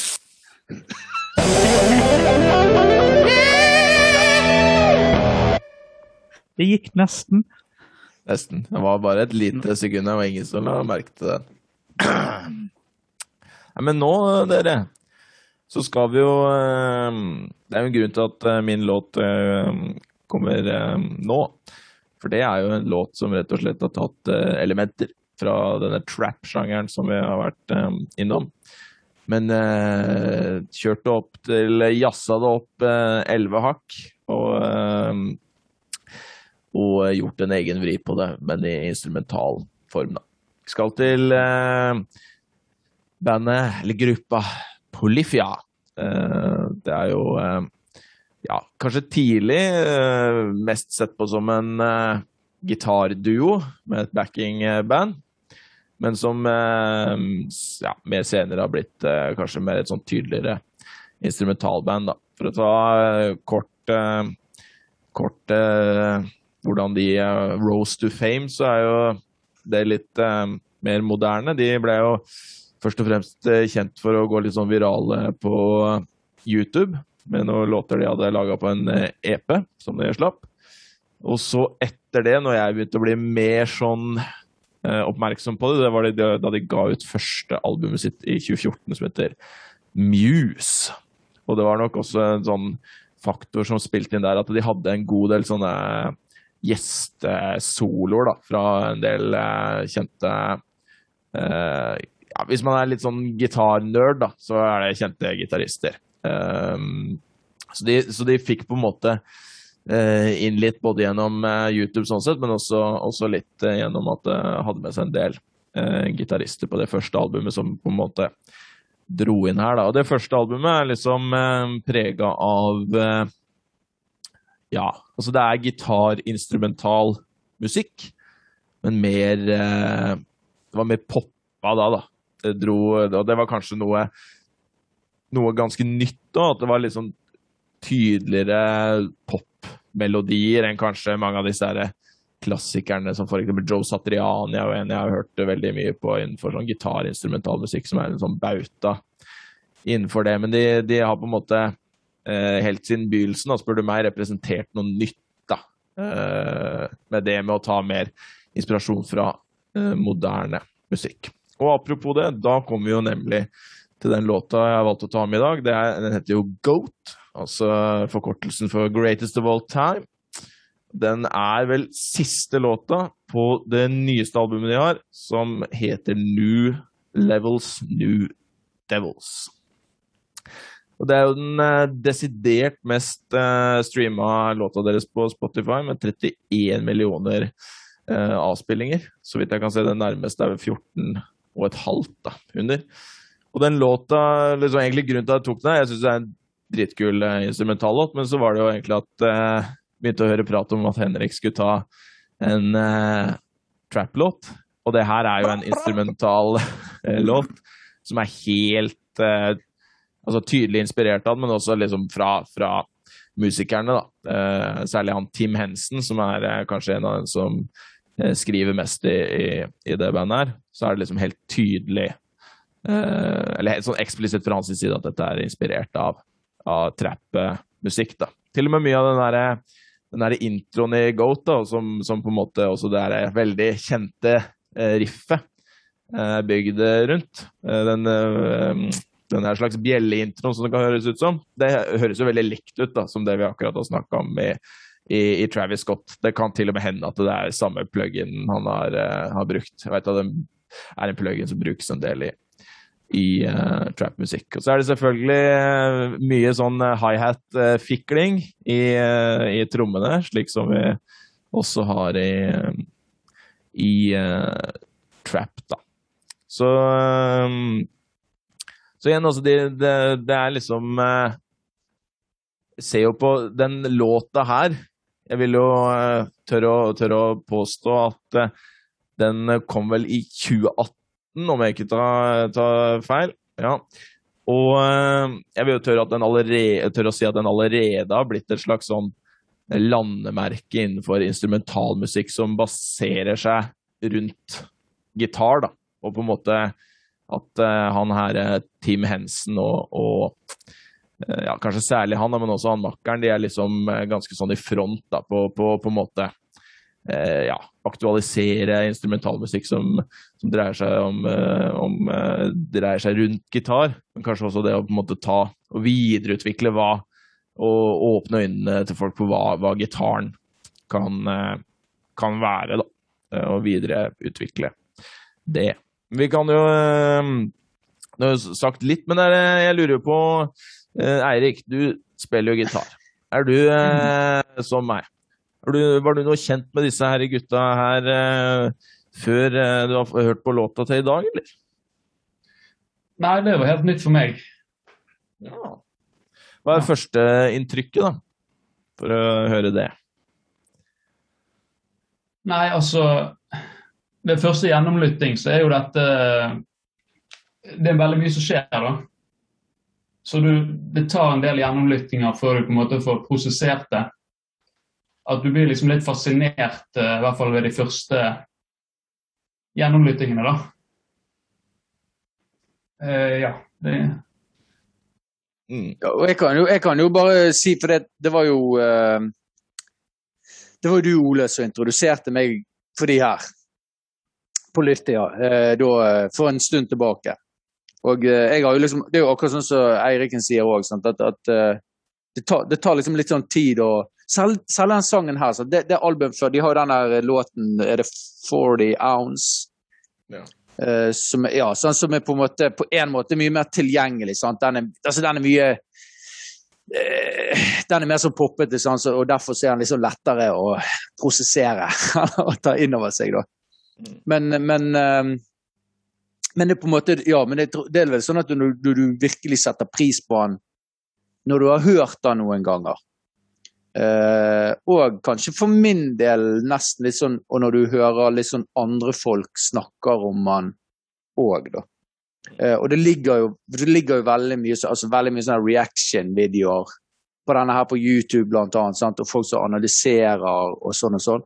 Og det er vel rett og, det er i hvert fall mange som påstår da, at det her uh, dette her liksom signaturriffet eller partiet i denne sangen her er liksom er tidenes eh, mest kompliserte uh, gitarriff, rett og slett. Mm. Eller det vanskeligste. Så på, så på overflaten høres uh, uh, ganske simpelt ut, utenom et sånt run som jeg, du hører eh, gå fort. Og, ja, og det visstnok er jo visst det letteste i riffet, ikke Jo, altså jeg har jo for, faktisk forsøkt å lære meg det riffet her. Det ga jeg opp på ganske fort. Jeg fant ut etter en par timer at jeg hadde ikke så jævla lyst til å, til å, til å spille det. du da, Andreas, hva er, hva er førsteinntrykket ditt her? Eh, førsteinntrykket er at jeg syns at det er, det er groovy. Det er vel egentlig eh, Eller for å sitere Austin Power Groovy, baby. Det er veldig, veldig groovy. Jeg er i såkalt slag. Nei, eh, jeg, jeg er veldig glad i instrumentalmusikk. Men da er det gjerne litt jazz, da, som jeg, jeg syns er fint. Men Uh, hva skal vi si uh, Det er på en måte det er litt sånn altså, vi, Det er feil å kalle det for metal, for det er det jo ikke. Men altså, det er litt sånn funky, groovy opplegg. sant? Og jeg, nå faller jeg på en måte på Med en gang jeg tenkte nå på hva skal jeg si om Polyphia, da, så, så gikk tankene over på et, en sånn supergruppe som heter Liquid Tension Experiment. Har dere hørt om det? Klart det. Ja, dere, ja og det er jo rett og slett For de uinnfridde så er jo det uh, tre medlemmer fra Dream Theater. Det er jo han John Hva heter han? han John, uh, tusen takk. Og så er, det han, uh, så er det Mark Portnoy. Og så er det han på keyboard for Dream Theater. Jordan Rudess. Thank you. Uh, og så er det bassisten i King Crimson. Uh, og det er jo så progressivt at jeg får vondt i øynene. Uh, det går forbanna fort, og det er så mye som skjer alltid. Sant? Og det er på en måte litt sånn, Hvis du skal på en måte sammenligne det med et maleri, eh, så er det litt sånn som han nordmannen som tar blåmaling opp eh, der sola aldri skinner og bæsjer på lerret foran folk. og folk, det er så fint, det er kunst. Eh, det er litt sånn samme greien, at det er så mye som skjer hele tiden. Og det er litt sånn, eh, det er jo merkelige greier. Men på Liffia da syns jeg det, det, er stikk motsatt når det kommer til uh, imponering for min del. For at alt har det har en så tydelig struktur.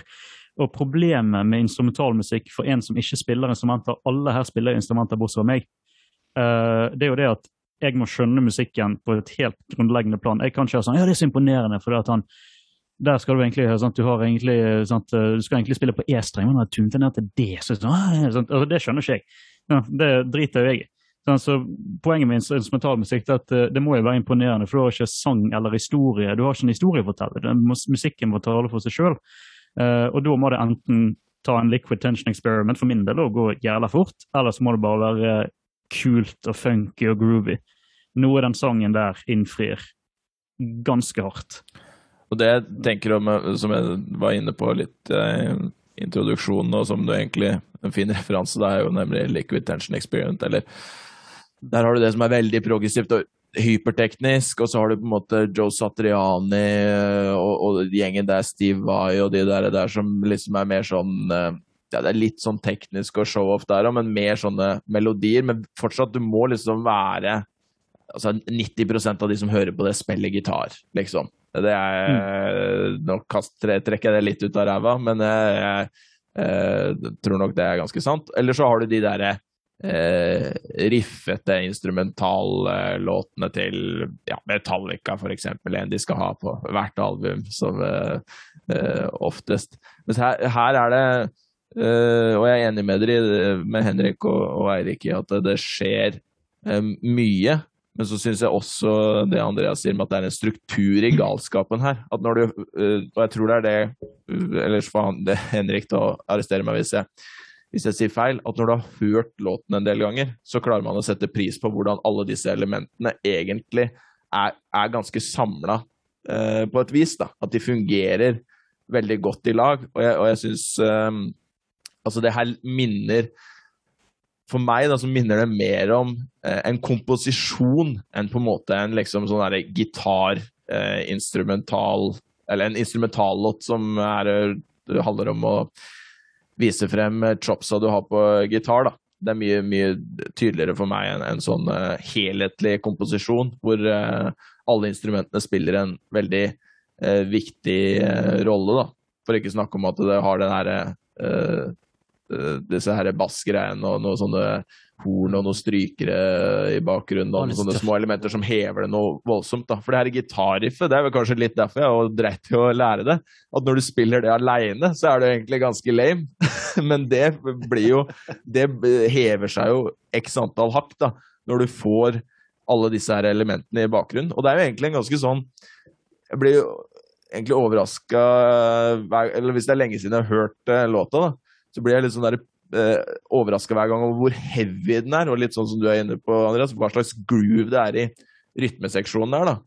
Og, og, og, og det har jo mye med trommene, men ikke minst bassen å gjøre, da. For gitaren har jo ikke noe sånn veldig voldsom vreng, egentlig. Det er egentlig en ganske sånn eh, clean gitar, så det er jo ikke den som bidrar med det der trøkket, men det er jo et voldsomt trøkk og en driv i den her låta uansett. Ja, og Det må vi bare spytte inn. for det har vi jo snart, Andreassen han pleier jo å trekke frem det her med å høre på en sang eh, på forskjellige, i forskjellige medier på forskjellige måter.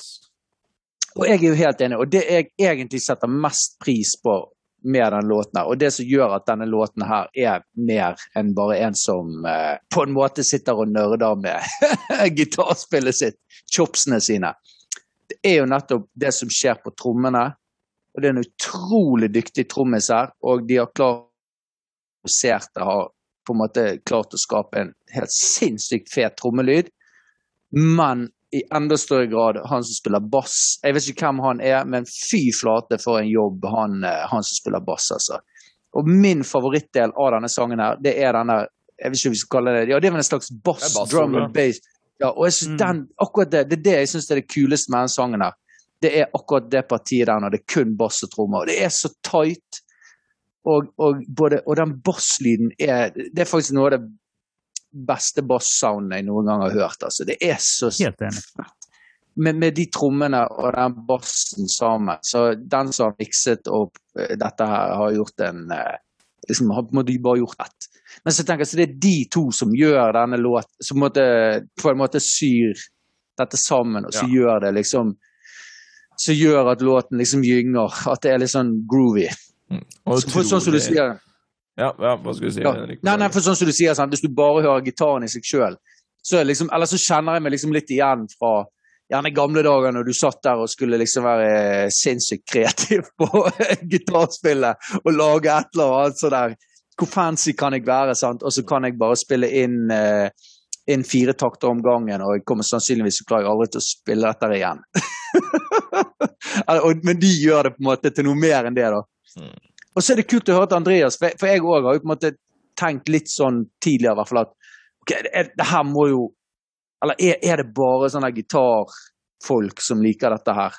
Som sitter og nerder over liksom hvor uh, fancy spillet er. Så da, da, er det jo bra å høre liksom uh, Guitar Hero uh, Andreas. Ja. Mm. at, at, du at, liksom hører at, at det er ikke sånn. Altså Det er folk Nei. som på en måte ikke spiller gitar eh, og liksom setter pris på, eh, på uh, låten. da.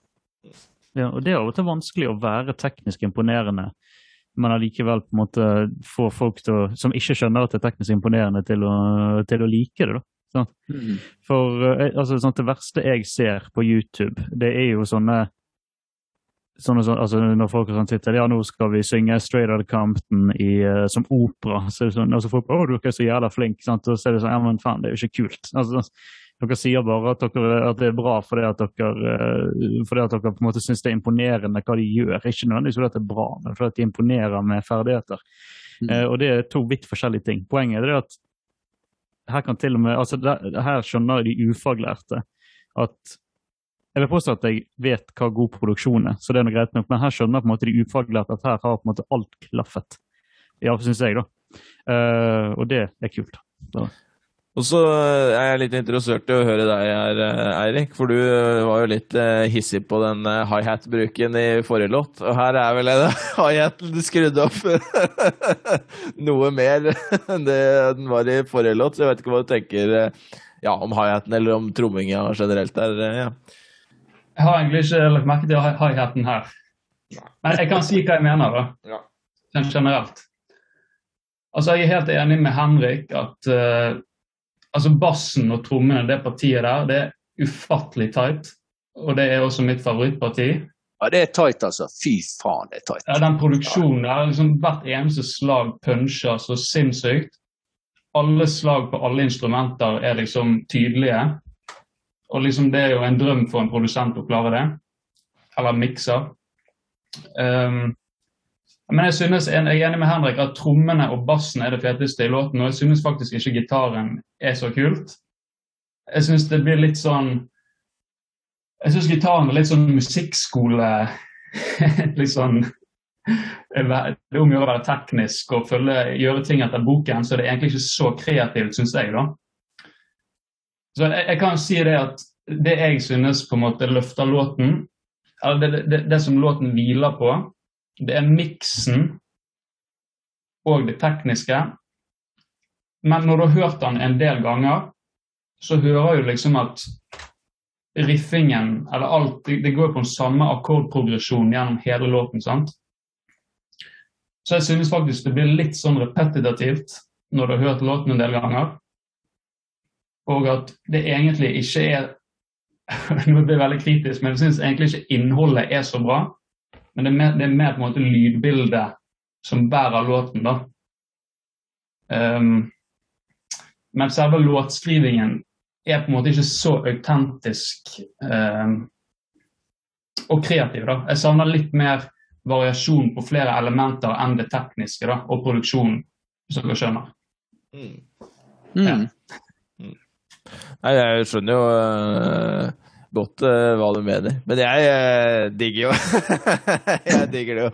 Selvfølgelig, det er jo jeg som har tatt den med. Men det er jo, det, det er jo litt interessant med han derre Tim Henson, da, som er han som har skrevet låta her, at han det han har tatt inspirasjon fra, faktisk, det er jo litt artig. Det er han her Jaden Smith. rett og slett sønnen til han derre Will Smith. da hvor han, Det var en eller annen låt han likte, han, og så prøvde han liksom å, for å øve seg på å produsere, da, prøve å lage noe som var likt der.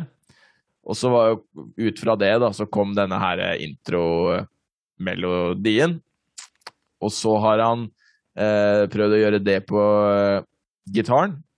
Og så eh, litt sånn som eh, Andreas var inne på her, med sånne eksempel på sånne rappelinjer, som går eh, en, ofte en sånn flow som er vanlig. Det er sånne trioler, da. At du på en måte tar eh, ja, tre noter per slag. Da har han på en måte prøvd å emulere det da, i det her eh, riffet som liksom er blitt så kjent. Så han, så han fører den her eh, melodi Begynt på melodilinja der, skal ha med de notene på et eller annet vis. Og så liksom lagt til eh, trioler oppå der igjen, da, til å liksom bygge det til et slags riff. Nei, men Jeg skjønner godt hva du sier, da, Erik, der med at ja, det, det, bygger jo rundt de her, de her akkordene.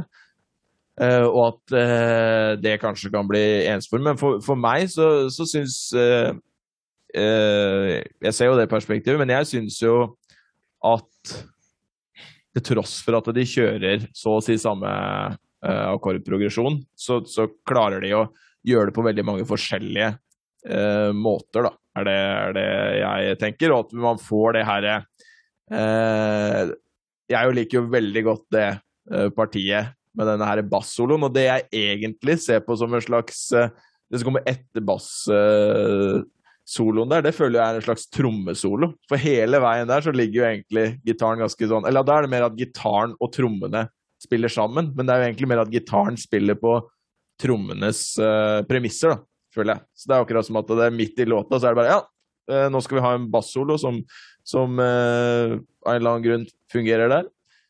Og så kjører vi søren meg en slags uh, trommesolo da, før vi tar en, en avslutning. Så jeg, så, sånn jeg, for å oppsummere mine følelser rundt det der med at det på en måte har en forholdsvis lik uh, struktur på kordene og, og sånne ting, så syns jeg at pacingen på låta, altså hvor lang låta er, og hvor lenge deler får gå og sånne ting, så, så syns jeg den er uh, akkurat lang nok, da. Den er, den er, for meg så er det sånn, når, når, jeg hører den, så er det sånn ah, Perfekt at den stoppa der. Nå har jeg lyst til å sette den på igjen. Men hvis den hadde f.eks. vært kanskje et halvt minutt lenger, da hadde jeg liksom kjent mye mer på det punktet du eh, tar opp, Eirik. At jeg liksom bare Oi, nå eh, nå har vi mm. veldig uh, vandra i de, disse kordene her, og den, den um, Hva skal vi si harmoniske konteksten uh, her, da. Ja. Så, uh, også et punkt på trommene som jeg bare må ta, som vi var inne på i stad, er at jeg, Eh, ikke sant? Han er tight, og det er en fantastisk trommelyd og hele greia der. Så liker jeg også, og det tror jeg er også noe som, som, som for meg eh, ikke får det til å bli for ensformig, er at jeg syns han er veldig flink til å være kreativ og på en måte eh, altså, altså, fremheve andre deler av, av, eh, av låta, da, ut ifra hvor han legger på en måte filsa, hvor han slår til med symbalene. At han varierer det på en veldig fin måte. Så, du, så det er en sånn driv i låta eh, hele veien, eh, syns jeg, da. For ikke å snakke om eh, alle disse her bakgrunnselementene som også hever det eh, mye, syns eh, Eller som bare skal være, skal være slik de er, da. Det hever det enormt. Som eh, ikke eh, Det som jeg setter mer og mer pris på, da, jo mer jeg har hørt uh, låta. Ja. OK, da tar jeg en uh, Segway inn til poeng, jeg. Og uh, som jeg sa, så syns jeg det er Særlig det basspartiet med trommer er helt uh, fantastisk. Um, jeg har tidligere sagt at uh, jeg, er ikke, jeg er ikke den største fan av instrumentallåter. Jeg er veldig glad i uh, låter med vokal, men, men likevel så jeg setter jeg setter pris på, på denne sangen her likevel. Så Eiriken oppsummerte det, sa det egentlig veldig bra, da. For jeg har jo på en måte tenkt litt sånn at det er litt sånn flinkis. Det er jo litt sånn flinkis, det som skjer på gitarene. Er sånn, det er veldig det, det er sånn flinkis-greie, men at, at trommen og bassen så på en måte er det meat and potatoes. Så denne sangen her får uh, en uh, syv og en halv av undertegnede. Ingen tør, jeg tør. Um, Tortør. Tortør. Mm. Nei, jeg er jo veldig på dette her at um, Jeg har jo vært litt kritisk mot Ole i det siste. Uh, og altså Med låtvalg, selvfølgelig, ikke mot Ole som person. Veldig glad i Ole. Men uh, låtvalg, da har, jeg, har jeg vært Ole sin hardeste kritiker, uh, tror jeg. Men nå så er jo det motsatt. Jeg er jo jeg er veldig takknemlig for at Polyphia, at du reklamerte for det bandet relativt hardt uh, i vår uh, gruppechat på Facebook for det var kanskje et lite år siden, Ole? Noe sånt? Jeg vet det har vært Ja, nå i det den duren. Ja. ja, sant. Jeg er veldig glad for det, for jeg har hørt det sånn av og på. Det er sånn, det, det, det, det albumet i seg sjøl er et sånt album jeg liker å kalle for spasere, et spaserealbum.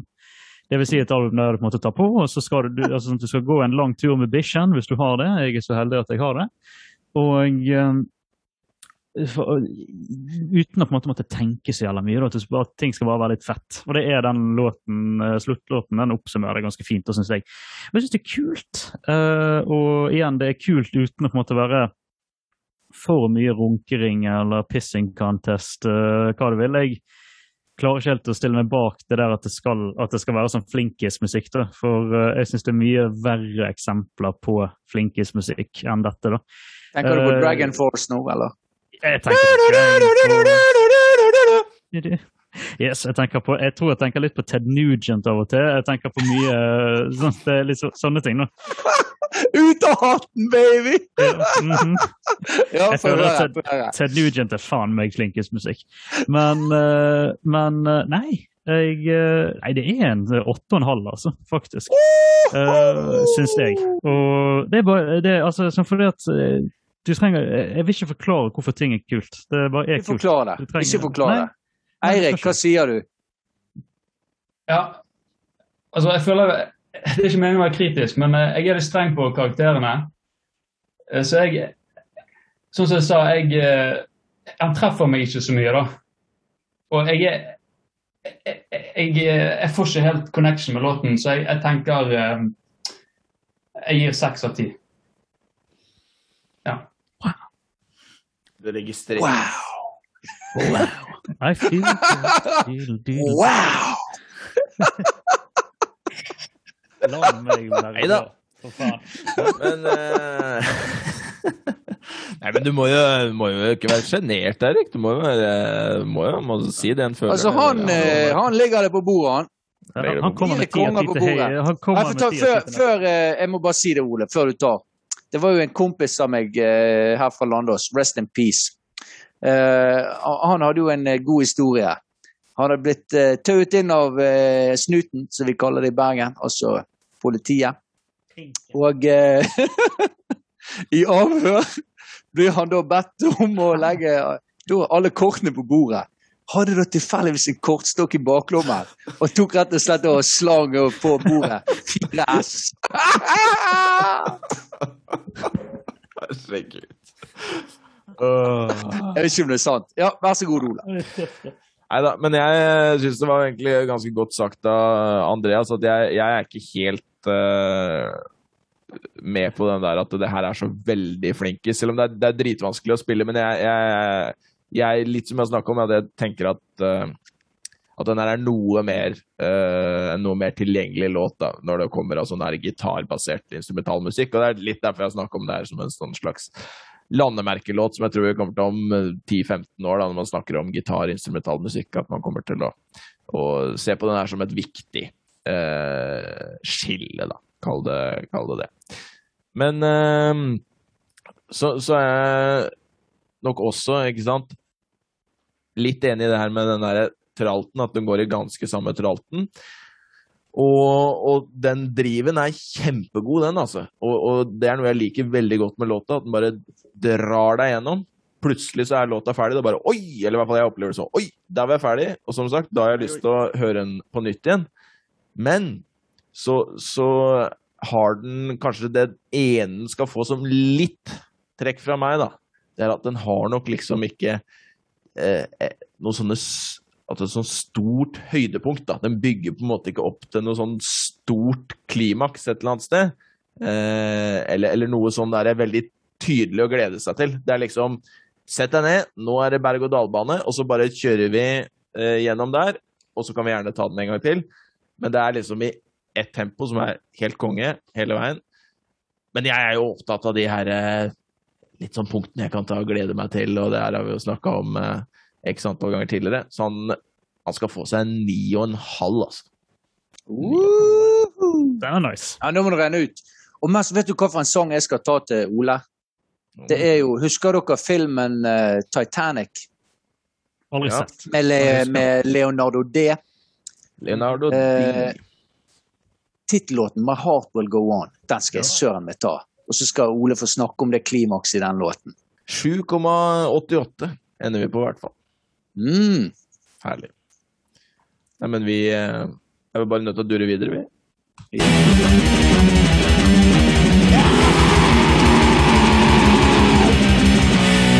Andreas. My baby don't mess around because she loves me so. This I know for sure. For show. Mhm. But does she really wanna? But can't stand to see me walk out the door. No. Don't. Mm, Whoa, whoa, whoa. Don't try to fight the feeling, because the thought alone is killing me right now. Uh, dette er jo en veldig kjent vil man kanskje påstå en av de mest kjente åpningsfraser på en hitlåt noensinne. Egentlig. Retorisk spørsmål trenger ikke å svare. Jeg ser at alle har lyst til å svare. Det er ikke nødvendig. Uh, og I dag er jeg i form. Det... Ja, ja, ja. ja, ja. Fortsatt, du. Ja, gin, gin, og battery anbefales på det sterkeste. Jævla gøy. Nei, men, uh, men jo. Uh, jeg tok jo da Outcast sin uh, Heia fra 2003. Av gruppen Outcast. og jeg, litt, jeg, har litt imot å si at Heia er en Outcast-låt. For den kommer jo fra albumet The Love Below som igjen er en del av samlealbumet til Outcast, Speakerbox, skråstrek The Love Below. Og Konseptet med det albumet det var jo at Outcast de hadde jo laget grensesprengende rapp siden 94. Uh, eh, og ville se hvordan uh, de klarte seg som soloartister. Ta seg et sånt lite Kiss-prosjekt, bare bedre. Uh, og da var jo det da rapper Big Boy, som på en måte har, var den pådriveren for den Dirty South-rappestilen uh, som Outcast er kjent for. Uh, han lagde seg et uh, skikkelig brutalt hardt rappalbum. Mens Andre 3000, som på en måte har blitt hyllet og mobbet for å være en eksentriker av dimensjoner, lagde seg et veldig funk, soul-inspirert album i form av The Love Below. Og der er jo det veldig mye funky, funky låter. Og uh, da er jo det da Heia. Og så kommer jeg på én til nå uh, i farten, og det er jo den uh, I Like The Way You Move, tror jeg den heter. Og det som kan kjennetegne både Outcast og spesielt han Andre 3000, det er jo veldig sånn eksentriske. litt sånn han, han, når han er på scenen, sånn, så tar han alltid, har han alltid på seg en blond parykk av en eller annen grunn, og han opptrer mye bar overkropp og henter inn veldig mye snåle ting. da, uh, Som på en måte gjør at den sangen der passer ganske perfekt uh, til stilen hans. Uh, det er en sang som er kraftig inspirert av Nå tror jeg det var jeg tror det var Roxette Ramones of The Smiths, faktisk. som har vært hovedinspirasjonskildene til Heia. Og det er jo en funk, funky sang laget av en av frontmennene til si, dåtidens ledende rappgrupper. Uh, som på en måte har et budskap som er pakket inn i litt sånn glad, fin, dansbar musikk. da. En av de tingene jeg er mest glad i i musikken når det kommer til det lyriske, det er når folk uh, har helt forferdelige tekster pakket inn i fin musikk. da. Uh, og da er jo denne sangen her et fint eksempel. Uh, du har egentlig alle Jokke og Valentina-låter i hele verden. Det er et annet godt eksempel. Uh, Run for Life av Beatles er et litt åpenbart eksempel. hvordan John Lennon sier han skal drepe kjæresten sin fordi han, hun la med en annen mann. og så har du den litt mer subtile Got To Get Into My Life fra samme gruppe, som alle tror er en kjærlighetssang, men Paul McCartney har sagt flere ganger at det er hans ode til marihuana. Eh, så det er rett og slett når folk lager en hit og fucker med folk uh, på den måten der, så koser jeg meg. Og grunnen til at jeg kom på, eller ville snakke om den høya, da For det første syns jeg det er en banger uten sidestykke. Og for det andre så er jo det den teksten uh, som handler egentlig om at Andre 3000 mener at kjærligheten den er død. Og eh, det eneste folk på en måte får til nå for tiden, altså dette var i 2003-2004, det eneste folk får til, det er sånne casual, uh, casual sex. Og folk klarer ikke å holde et uh, forhold lenger. Og uh, sånn, så han sier det så fint I don't want to meet your daddy, I just want you in my caddy. Sånn, sier han jo så fint. Og så er det et punkt i den sangen der på en måte Andre 3000 bare, egentlig bare starter med å fortelle og på en måte si at ja, sånn, kjærlighet er ikke ekte lenger, og alt er bare tull og tøys. Uh, der han sier da, i et lite breakdown Y'all don't wanna hear me, you just want to dance. Sånn? At det er ingen som bryr seg om budskapet hans, for at han har laget en objektivt uh, catchy sang, og den vil bare folk danse til. Og sånn er det. For vi, hører, vi gidder ikke høre på teksten, vi bare bryr oss om hitfaktoren i sangen. Så det er en liten Det er en sang med mange lag. Da. Men som, sånn man er kjent for folk flest, så er det det at den var Jeg tror det var syv-åtte uker på VG-listen på topp én i 2003 og 2004. Har blitt spilt på alle verdens radiokanaler uh, det, til det kjedsommelige. Og er jo rett og slett uh, plassert skal vi si, som en god hit. Uh, så jeg vet jo at Henrik han var jo da ti år eldre enn oss da denne låten kom ut. Han var, han, da var jo han da var jo han 20 da den uh, låten uh, kom. Men uh, Ole, du var jo omtrent like gammel som meg. Hadde du noe forhold til den da den kom ut? ja. Jeg ja. hadde det. Men du, er ikke, du er ikke godt innstilt, holdt jeg på å si. Hørte du det? Nei, nei jeg, jeg, jeg, jeg, er flink til å lese til folk. Ja, nei, det det er, jo en litt sånn blast from the past uh, for meg, uh, det her. Uh, og så liksom hører jeg den, og så bare Fader, hvor jeg har den fra? Og så begynte jeg å titte litt på musikkvideoen, og da gikk det opp for meg. For jeg tenkte liksom, faen, ah, det var litt sånn grunnleggende Litt som du har eh, skjønt, litt sånn grunnleggende negativt i førsteinntrykket. Mm -hmm. eh, men jeg har jo hørt den før, selvfølgelig. Men jeg ble sånn Fader, hvor, eh, hvor har jeg den fra? For jeg var litt sånn der, nesten sånn Hva skal vi si? Irrasjonelt negativt innstilt til å begynne med. Mm. Og så ser jeg musikkvideoen, og så tenker jeg ah, det er den, ja. Og det mitt, så mitt forhold til det da den, rundt da den kom ut, det er jo liksom å komme hjem fra skolen, og du er ja, jeg var vel rundt sånn eh, ni, da. Ni-ti yeah. må ha vært. Så gikk jo den der musikkvideoen da, på disse TV-kanalene som spilte det. Og jeg var liksom alltid Da, da den kom, så var jeg liksom Uff, der kommer den igjen. Denne her eh, masesangen, og det er heia, og det er mas, mas, og det er en rar uh, musikkvideo med noen karer og sånne ting. Nei, uffa, uffa, uffa. uffa. For det jeg, en musikkvideo som jeg likte veldig godt, da, som uh, virkelig gjorde med meg, så, noe med meg sånn rent uh, fysisk i den alderen der, det var jo denne her uh, Dirty med Christina Agulera. Det var en låt som kom ut rundt i 2002. Så det, det var jo en Ja. Et, det var jo et slags Vi snakka om landemerker her i, her i stad med, med Polifia Goat, og det var vel et landemerke for meg med at og Christina Agulera i den eh, videoen eh, husker jeg jo som veldig eh, flott. da. Så jeg, måtte jo, jeg var jo nødt til å, å søke opp, eh, søke opp bildet her tidligere for å på en måte få en referanse. Jeg ser jo var kanskje ikke like flott som jeg huska, men jeg husker da tilbake da at eh, den musikkvideoen den likte ti år gamle meg veldig, veldig godt. da. Så det var kanskje noe med kanskje det var at Heia liksom hindra det hindra, var et lite hinder der da, til Christina Aguilera på denne tida. Så vidt jeg husker. da. Mm. Men uh, Eirik, du var noe, noe eldre enn oss da den kom ut, eller? Tar jeg feil? Jeg tror jeg gikk på ungdomsskolen. Ja. Men uh, jeg husker også denne musikkvideoen. Det var sånn jeg ble kjent med låten. Mm. Uh, den gikk jo sin seiersgang på dette Swish på NRK3 eller noe sånt. Jeg vet ikke om dere husker det? Og om jeg gjør. Ja. så den eh, kom jo hele tiden der. Um, så det er sånn jeg ble kjent med låten. Mm. Ja. Det, ja, for musikkvideoen kommer kommer jo eh, ganske, eh, ganske, opp med en gang. Det, dette, lærte jeg i, dette lærte jeg i nyere tid, eller skjønte i nyere tid, at alle de For den musikkvideoen er jo veldig kjent. Uh, og det mm. er jo at han uh, tar altså det, ikke, altså det, er jo en parodi på Beatles sin første opptreden i USA. På uh, Ed Sullivan Show, da de, sitter, da de, spiller.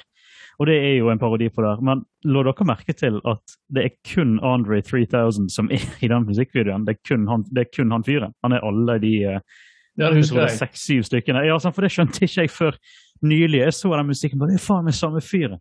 Sånn. Det var liksom det. Så det er jo en legendarisk musikkvideo sånn sett, som uh, fikk uh, en ung, blomstrende Ole vekk fra Christina Aguilera, dessverre. da. Men uh, nå har jo alle snakket om sitt forhold til den låten. Og nå, mannen som er ti år eldre enn oss, hva, hva, forhold hadde du til Høya? For at, uh, vi har jo på en måte den barnslige greien da, sant? til dette her. Ja, Men du altså, var jo mm. Spørsmålet er jo altså, Du nevnte 94. så da, altså, 94 for meg, det er OL på Lillehammer. Altså sprang ja. uh, Outcast ut av uh, suksessen OL på Lillehammer. Det er det, det, jeg lurer på. Men i alle fall jeg... Den kom ut i 2004. Da, Nei, altså, det, det, er ikke tvil om det. Altså, at det er ikke tvil om at Outcast uh, er en, en, en, stor gruppe. En stor duo. Og uh, sant, det albumet som kom ut før her med Miss Jackson og uh, ja. So Fresh and So Clean og, og så, altså, det var jo De var jo på en måte De var jo store, men så var det vel kanskje Eller Miss Jackson fikk vel de på en måte inn, på, uh, inn i all, allmennhetens fokus. Men så var det vel kanskje den, det albumet her, og særlig kanskje da den her Heia, som gjorde de liksom enda, enda større, da. Og kanskje mm. særlig han her Andrew 3000. Så, yeah. så ja, ja. Og den sangen her har jo blitt uh, er jo et eksempel på en sang som har blitt spilt i hæl. Altså yeah. og, fortsatt, og er fortsatt aktuell, på en måte. Han er, yeah. han er liksom fortsatt fungerer på en måte fortsatt, altså i, da, i det her trap-landskapet som vi er i. Mm. som fungerer liksom Han har fått liksom fortsatt en plass i dette her, denne sangen der, fordi at han er liksom noe eget. Mm. For det er jo litt sånn, det er jo ikke akkurat det Outcast-fansen forventet av Outcast. For at hvis du har en, en, måte, en sånn sang som er Den er så kul. Det er en sang som heter fra uh, forrige albumet med Miss Jackson. Det albumet heter Stankonia. Uh, da har du sangen BOB, Bombs Over Bagdad, uh, som er en så teknisk imponerende låt Uh, uten, altså Litt sånn poly, i Polyphia-landskapet, syns jeg, da, at det er på en måte imponerende uten å være show-offy. Uh, du måtte gå fra liksom sånn, altså, kan vi si, sånn masterclass på rapp, og det har på en måte det herlige, litt sånn skitne, ekle, til å bli det på en måte litt sånn polerte, funky greiene som er denne her låten her, da, som er Heia. Uh, og jeg hadde egentlig ikke planer om å ta denne låten her, fordi at jeg tenkte sånn, jeg skal faen ikke være den første i denne podkasten har han sånn vaskeekte landeplage. Uh, Live and Love Loca har jo vært oppe, men jeg vil ikke påstå at det var en landeplage. Sånn. Jeg vil påstå at det var en god partylåt. Sånn. Men dette er jo en sang som på en måte har vært i landskapet fra start til slutt. Og jeg har jo en kollega, og det er jo annet pga. hun at jeg har tatt den låten. her, som var Eneste gang den låten kommer på, for på jobb så har vi en sånn radio som er, du kan på en måte ikke skippe sanger, du er tvunget til å høre på låtene. Ja. Og hver eneste gang Uh, jeg er på jobb, og så plutselig så stopper musikken på den radioen. Så spør jeg hun kollegaen bare hva heier på radioen, og hun bare ja, jeg måtte bare ta ned lyden i fire minutter. Hun klarer ikke låten fordi at den er så helspilt at hun bare må slå av. Altså Hun må enten forlate åstedet eller slå av. Og Jeg tenkte jeg skal ikke være den første fyren i podkasten som kommer med en sånn landeplagelåt, men det, det, det var fordi at jeg fant en sånn kort dokumentar på YouTube, syv minutter, som diskuterer innholdet i sangen. Som er hvordan du på en måte kan lage Du har på en måte de der happy gitarkordene. Altså, det er jo en sånn code-progresjon som må spilles for at du skal lage en sånn gladlåt. Det er jo en fasit på dette her. Uh, den har tydeligvis det, uh, og den har på en måte oppskriften til å være gladlåt, men teksten er kjip, da, for å si det sånn. Og det syns jeg er gøy. så jeg vet ikke. Altså, hva, hva, tenker vi, bare? Har et altså, jeg, inntrykk? Altså, jeg tenker jo at altså, det er jo en Altså, det er jo en eh, det er jo en kjempe, kjempesterk låt, og her òg føler jeg liksom, altså her er det ikke tvil om at her har han liksom vært på meget kreativ. kreativ. Uh, han bryter jo med det som de på en måte har drevet med før. Men altså, han, har jo vært, han var jo eksentrisk før dette òg, men liksom her, ja, ja. her går han i helt ny retning. Også det som denne låten her har, det er jo at han har liksom noen, disse ikoniske deler. sånn sånn her 'Shake it like a Polaroid picture', for eksempel. Ja. Det er jo sant, altså det er jo um, den biten sånn Og what's, uh, what's colder than being cold? Ice cold! Altså han har liksom altså I tillegg til å være en sang, så har han noen sånne ikoniske sånne, Nærmest sånne catchphrases. sant? Mm som, som, er i denne sangen. her. Så han er liksom, Den låten her er litt sånn larger than life. altså. Han har på en måte, Det er mer, det er mer enn en sang. Og så Mm. tror jeg òg denne sangen her, altså han definerer, dette er, mer, dette er en sånn definerende sang. altså Han definerer det tidsrommet der han kom ut. Mm. Liksom, det, er ikke, det er ikke bare en låt fra den tidsepoken. Altså, jeg føler han definerer den, tids, den tidsepoken. Da. Så jeg føler det er liksom en Det her er en stor, en stor låt, rett og slett. Ganske Du har eh, tatt, med oss, eh, tatt med til oss her i dag, også. Mm. Det er mer enn en låt. Ja. Men, men, så- men det kan jo hende, som du sa, sant? jeg jo, kanskje jeg har opplevd låten eh, annerledes enn dere, men eh, ja. Ja, for det er det jeg lurer litt på. For jeg har jo lagt fra meg den låten, sant? men det er jo en låt jeg oppriktig talt ble glad i. Jeg syns den, er- jeg synes den er jækla kul, bare. Og så er det en låt òg som fungerer på en måte òg som igjen, sant? Jeg har jo spilt spilt eh, i en del sånn coverband, og det her er jo en låt som fungerer altså den fungerer innenfor altså det er nærmest en, Jeg vet ikke om dere er kjent med uttrykket 'en standard'. Mm. Men altså det her er, nærmest en sånn stand, altså denne sangen her fungerer eh, over flere Du kan spille den i flere sjangre, og eh, det fungerer liksom. Altså Du kan spille den bare med gitaren uten alt det der fikse, fakseriet som de har. sant? Og det mm. fungerer helt eh, utsøkt. Og det er jo fordi at det er en, en, liksom en, en sterk eh, melodilinje som, eh, som går, da. Sånn liksom eh, eh, Basicen i låten, ryggmagen i låten, er på en måte Ja. catchy nok til at du kan ta vekk alt det andre. Og faen, Mm. jeg holdt på å bryte en tradisjon nå, faktisk. Det er én person vi ikke har nevnt i denne podkasten her, og hvem er det? Er det han der fra Ja. Det, han har skjegg, skjønner du. Så det, Er det han, er det han er fra, fra eh, Rogaland? det er Rogaland. Ja. Han må, han må name-droppes uh, igjen. Vi kan, ikke, vi kan ikke gå uten. Eh, Han, Når jeg sa jeg skal heie, sant? Vet du, han, han, er litt, han liker å være med bak scenen og spør hva skal du, hva, har du tenkt på hva du skal ha. Sant? Og sier nei, sånn og sånn. Sant? Og Hva er det du gjør bak første scenen, da? Hæ? Da øh, La nå gutten på få fortsette her. Ja. Kristelige aktiviteter. Men Nei øh, Og så sier Ja, OK. Så, men det første han gjør, altså han uten kontekst, bare sendte meg et cover av en fyr med kassegitar som spilte Heia. da. Sånn. Eh, og det, det var to ting jeg registrerte. For det første, jeg hater akustiske cover. På ekte. Hater det. Det er aldri kult.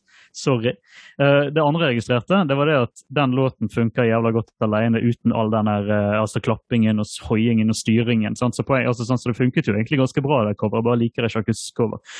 Men poenget er at da ble på en måte teksten Det gikk fra å være denne gladlåten. Da ble teksten sånn Å, helsike, sånn så dyp du var. Og så innser du at han synger Heia med, med Outcast, som på en måte er den gladlåten. Jeg, jeg elsker det paradokset, bare. Jeg syns det er dritgøy. Det er egentlig bare det. Men uh, har dere tenkt på teksten, eller er det bare meg som prøver så godt jeg kan å dra dere inn i dette kule? Men før uh, det her, da så, eh, Jeg sitter jo jeg litt eh, forvirret her. Altså, jeg snakka jo litt om her til å, til å begynne med om uh, dette her at jeg gikk inn med litt eh, negative fordommer med at uh, hei, jeg har holdt meg unna Christina Ja. Aguilera da jeg var ti Ja. på TV-en. Men eh, jeg, jeg, skjønner jo, jeg skjønner jo ikke helt eh, det her. Altså, jeg er vel kanskje Føler meg jo plutselig at jeg er veldig negativt innstilt, da.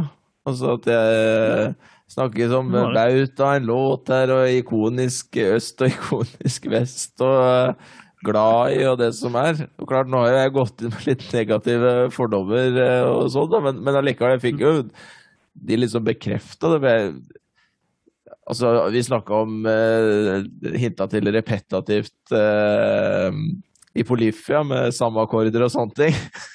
Mhm. Snakk om repetativt. altså, altså det, det går jo igjen og igjen og igjen og igjen, de her de Mm. akkordene. Eh, og det kan jo være greit, det, for, for all del. Altså, nå var jo jeg positivt innstilt til Polyfia, så jeg skal jo ikke være helt idiot her og, og si imot meg sjøl. eh, Men det er liksom Altså, den derre versvokalen, for eksempel, han er jo veldig sånn derre nasal, er det det det blir? Altså, det er veldig eh, godt der uh, framme, da. Den klinger ikke sånn veldig godt i uh, øra mine. Og så er det nok litt Jeg er nok mer prega enn dere to som er mer positive her, da, av den derre landeplagefaktoren, da. At den er eh, for meg veldig overspilt, særlig med det der refrenget. Og det kan jo ha noe med at jeg har vært inne på tidligere med de her wow, wow og At det ligner jo, det minner jo om en sånn wow, wow eh, Ikke wow, wow, wow, men Nei vel. wow, wow. Eh, Mm -hmm. del. Bygger en spaceship. Ikke bygge spaceship wow. wow, wow. Ikke bygge spaceship nå, men en wow, wow-del. Men skal vi finne Oasis? Ja. Nei da, skal ikke finne Oasis. Nei, så, så, så igjen, det er jo liksom noe jeg ikke er helt med på. Og så er det også liksom Og det tror jeg kan det være at det er, er blitt korta ned til musikkvideoversjonen. For det, det, noe jeg ikke huska helt, var jo det her slags eh, hypepartiet før eh, bridgen, på en måte. En slags sånn der overgang til bridgen hvor det nesten er sånn Ja, nå skal vi kjøre i gang, dere! Woo, woo! Og bare liksom Mm. litt der og prater, og, og det bare går og går. Og bare sånn herre Hva er det som eh, Hva er det som skjer? Det konsert. beste partiet. On your baddest behave. Behavior. Det er jo, det, det er jo ikoneskole. Ja. Lend me some Ja, men sugar. gutter, ja, men, I ja, men am your neighbor. What's, what's cool, cooler than being cool? Ice Ice cool. Nettopp. Ja.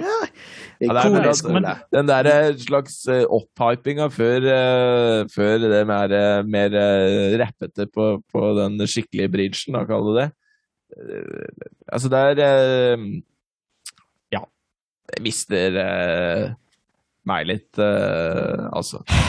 Det er liksom ikke Det er jo ikke det er, jo, det, det er jo ikke live, på en måte. Klart hadde dette vært en live-innspilling og føltes mer live, men det er jo så studio som det går an. Da blir det liksom så Ja. Det blir, det blir så, så dødt, i mine, i mine ører, da. Det er veldig Ja, noe som sikkert hadde vært kult hvis man hadde vært på konsert med dem, men så er vi veldig i studio, da. Men uh, var, hvor er du, hvor er du her? Hvilken allianse velger du her, eh, Mhm. Eirik? Nå er det Paradise, har du hørt. jeg må bare si én ting. Det er, for, altså, jeg, jeg, jeg hører din mening, Ole, og det var bare én ting å si til den meningen din, og det er all right, all right, all right, all right, all right, all right, all right. Do it. Chicken like a Polaroid picture. Jeg og Henrik i dag. Erik, Nå skal du velge. Nå skal du velge. Jeg må nok velge den eh, store alliansen nå. Oh, you think you got it. But det, det, det. Altså, det her er jo f- altså, det er jo en, altså, det er en så legendar... Altså, det er noe som, som jeg sa altså, det er en defin, altså, denne her er, det er en definerende låt. Det er definerende. Ja, jeg- Hva- Men ja. Jeg, jeg, jeg er jo enig i at det er en skikkelig bauta. da. Mm. Det er jo en skikkelig Veldig velskrevet låt. Det er liksom det ekte energi, glede, originalt. Altså Når denne her kommer på på fest, så går liksom stemningen rett i taket. Den kunne vært på, ja, denne kunne vært med på Party Edition òg. Helt enig. Ja. Jeg har faktisk opplevd dette her. Og dette er en av de få låtene eller det er noe veldig spesielt med denne låten her, når den kommer på. Altså, Stemningen går rett i taket. Og jeg har aldri opplevd det med en eh, på lignende måte før, da, med en annen type låt. Så, um, Mm. Altså, Så men sånn- det vi må huske Ja, så, og, så, så dette er for meg en, liksom en låt som man lytter på sammen med andre. da. Jeg, er ikke så mye på, jeg lytter ikke så mye til denne alene. Ja. Nei, det er sant. Nei, og, det, og beklager nå, Ole, nå får du mye, men altså For de som har hørt uh, Party Edition-episoden vår, så vet dere alle hva Ole hører på på fest. Et slag under beltet. Okay. Men, men det, men det syns jeg er et godt poeng eh, fra Eirik der, da. For jeg òg tenker akkurat det samme. Eh, at samme her altså Det er ikke en låt som, som, eh, som jeg hører på alene. Det er liksom en, det er en sånn sang som du, du hører på sammen med andre. Mm. Og eh, ideal- gjerne med, ja, på fest, eller sånn som meg som har unger, og sånt, hvis det skal bare være dønn stemning i, i heimen, så er det på så, så, så er dette en låt som kan eh, sammen med, Skalaen vi bruker i dag, da. sammen med Let It Go og Eller La den gå. La den gå, ja. Nei, men hva sier dere, skal vi kjøre poeng, eller? Vi kjører poeng. Ja, Eh, kan jeg vi få begynner begynne? med ja, Kan jeg få lov til å begynne? Ja, Ja, ja, ja. altså, og jeg, eh, jeg gir denne her en eh, klassisk eh, og en halv av ti. Yes! Eh, og eh, ja, igjen, sant? litt det her Altså, han er spilt i hæl, men altså Så jeg blir liksom farget av det, selv om jeg prøver å ikke bli det. Uh, og det, på en måte, at det at han er spilt i hæl, er på en måte liksom ikke en god ting, da. uh, men jeg prøver å ikke bli for farget av det. Men òg sånn så, så Eirik er inne på at eh, tenker hvis, hvis den skal enda høyere opp, så må han på en måte gi da må han gi enda mer på den her eh, personlige lyttingen òg. Og det er ikke, ikke helt der, ja. Men sterk nok, altså. Til åtte og en halv av ti. Nice. Vi tar, men da må vi ta Eiriken, og så kan Ole Ja. få, få ta liksom hvis han skal litt Altså- ned. Ja. Ja, ja, det er lov, det. Ja, jeg tenker sånn Objektivt så er dette en bunnsolid låt. Veldig velskrevet. Og som en kollektiv lytting så er det ti av ti. Men fordi at eh, jeg hører aldri på den låten alene, og det er ikke en, låt, det er ikke en type låt som jeg hører på alene, så da blir det ni av ti. Wow! Let's go, Londos, baby! Ja. Wow, wow, wow. Mhm. Men da kommer Altså, jeg har glemt. Ja, Hva het han Hva het han artisten? Han er Bangerange. Hva heter han, Andreas? Stuggedangen. Skrillex! Ja. Vi farten, liksom. Eh, Nei, men eh, nå skal du bruke den mot meg, så, så, så stygge dere er. Nei, vi er har, under beste den. jeg har ikke nå. brukt den mot deg. Jeg har bare sagt navnet. Nei, men du, du sitter og ler. Fy deg, Andreas. jeg- ja. Shame on you. Du sitter og ler. Ja. Jeg gjør det. Nei. Eh, jeg fikk faktisk ikke tatt eh, alle elementene jeg ikke likte. Nei, det, det, det går bra. Nei, men altså, eh, herregud, eh, ja. Det spilt, synes nå jeg. Jeg er ikke så veldig Liker ikke så godt den derre vokalen igjen, ja. Refrenget. Det er nok noe catchy, ikke sant? Det skal den nå få, selvfølgelig.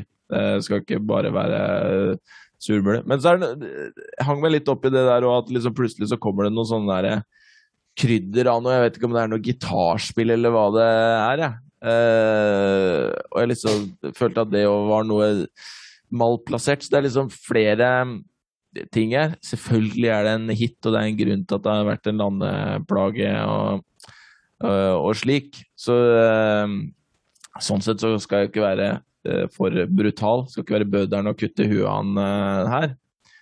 Um, kan du si fire av ti, da?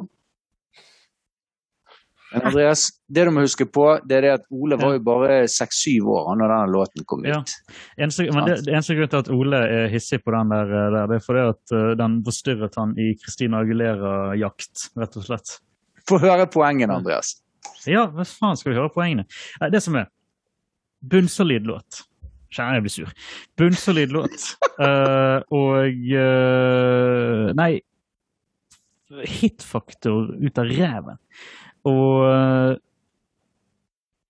kreativt. Sant? Og kreativ musikkvideo. Teksten uh, viser jo egentlig at alle som har hørt på denne, er jo en hel haug med idioter. For alle tenker det er partylåt. Det er jo ikke det. Det er jo en sang om at kjærlighet er død. Sant? Og Andre sier jo sjøl 'Y'all don't wanna hear me, you just want to dance', sier han i midten av sangen, som på en måte gni det godt inn. At uh, så lenge det er catchy, så er det kult. Og det, det, er, det legger en dimensjon. Uh, vi skal ikke opp på tieren, men vi skal på ni og en halv, faktisk. For at den er bunnsolid. Den er Chef's Kiss-låt. Ja. Sant? Rett og slett. Mm. Oi. Og da får vi 7,75. Mhm. Hva sa du? 7,75. Ja. Var det rundt og fint. Ja, Ikke helt. det er Skrillex i alle fall. Nei? Men da, folkens, det alle har ventet på hele kvelden, det er Mhm. broderen som skal i ild. Dette er kveldens siste låt. Og denne alle kjerringer som har mistet noen. Kjære Gud, du er god som gull. Skulle til Svinesund.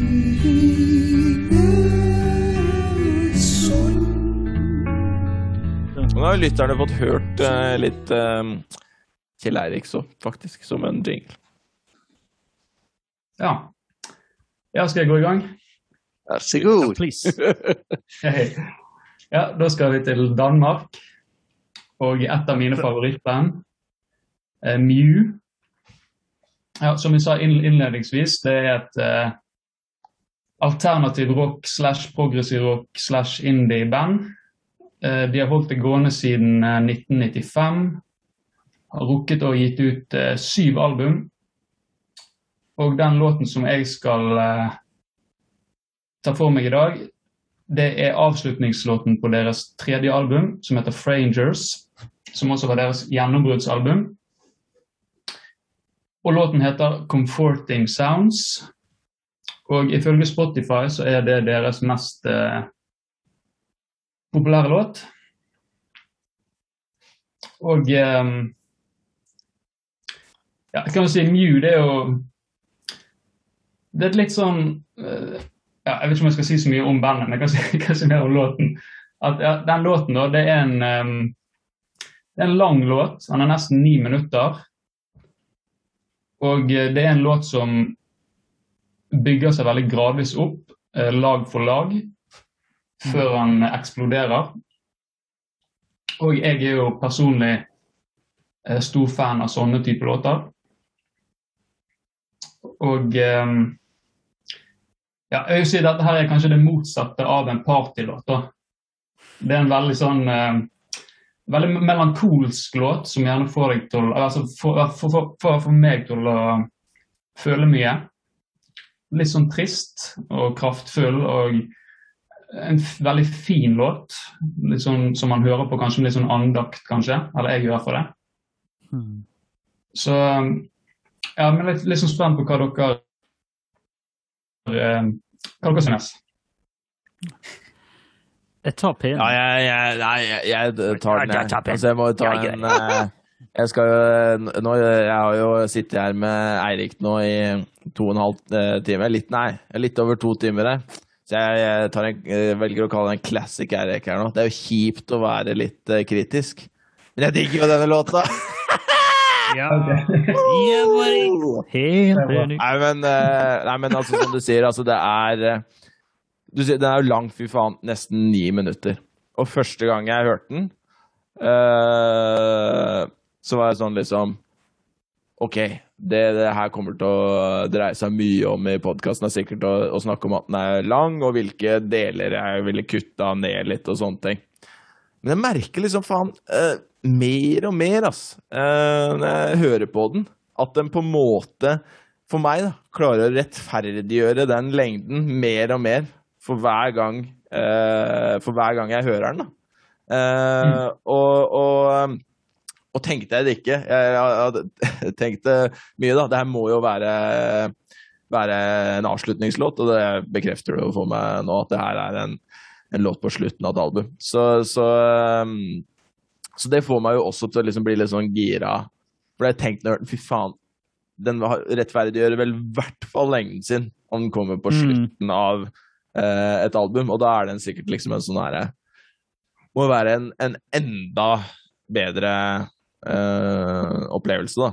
Så um, det, liksom, og, og det, som også var førsteinntrykket mitt, uh, adjektivet som slo meg, var liksom sånn derre uh, Ekte og rått, på en måte. Altså det, det, det, føles så, det føles så ekte, ektegjort, da.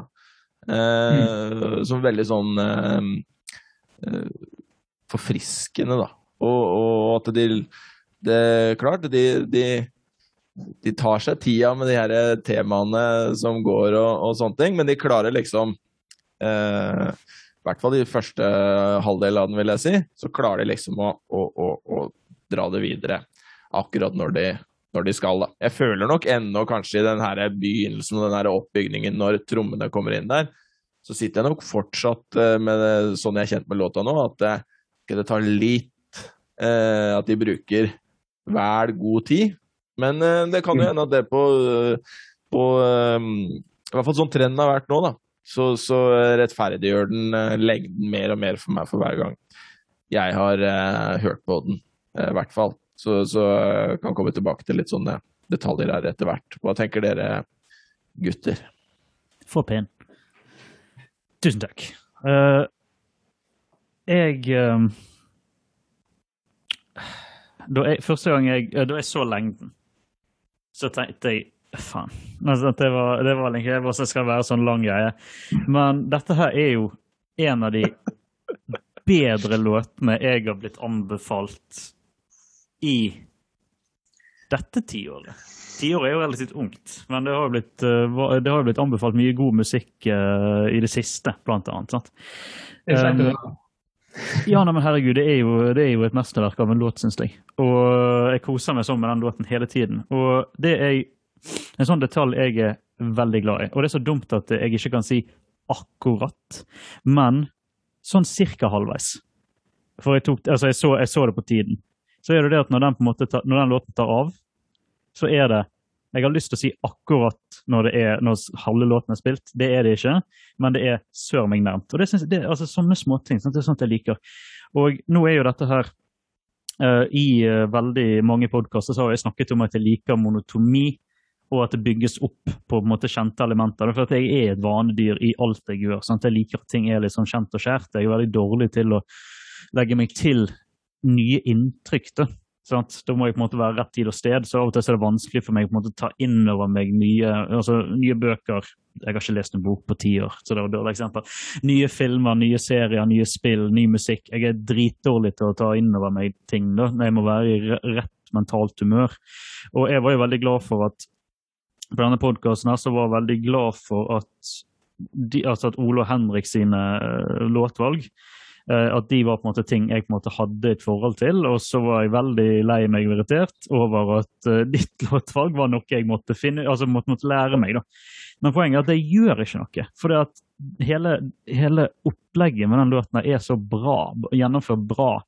Uh, og det har på en måte en sånn fin sånn build-up som på en måte for meg, da, med min uh, hva kan vi si, veldig van, altså min, min, min vanehjerne. uh, at det på en måte at det, det er en lang, god låt som på en måte treffer akkurat der den skal, akkurat når det skal. Og jeg syns det er så imponerende at det går an å få til.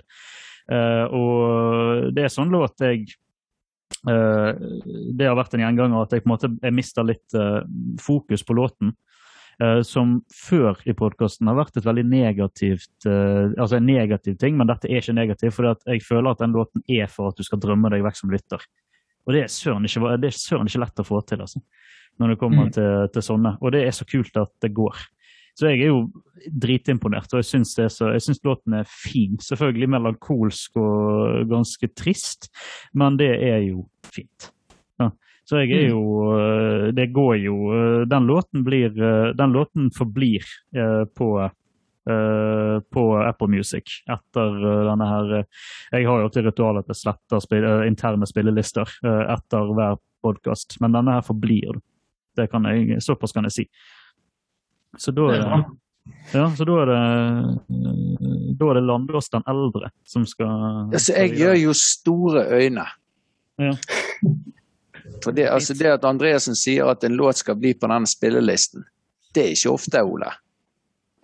Det er ikke ofte. Eh, Jeg skjedde i hvert fall ikke med Dansk Kevin Nei, det gjorde det faen.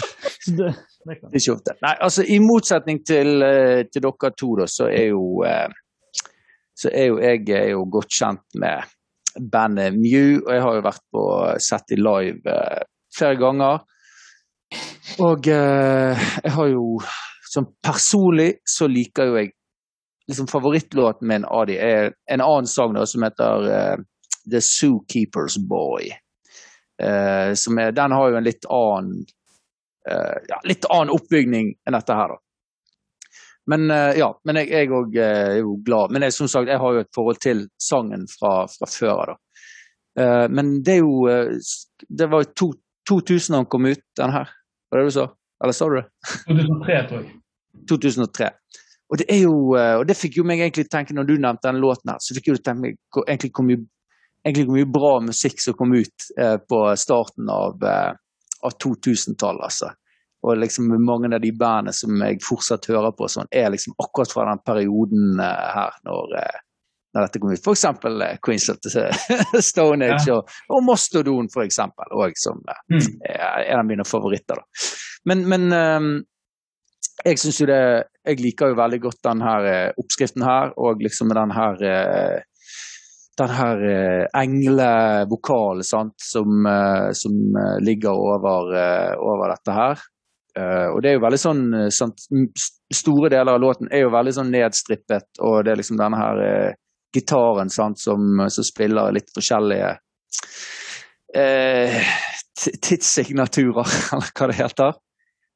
Og så kommer liksom, når vi kommer mot midt i låten, eller liksom Det som føles som slutten av låten, men som varer ganske lenge, sant, når, når det blir Når alt Eh, alt kommer inn, og så blir det på en måte bare mer og mer og mer og mer i det, i det partiet. da.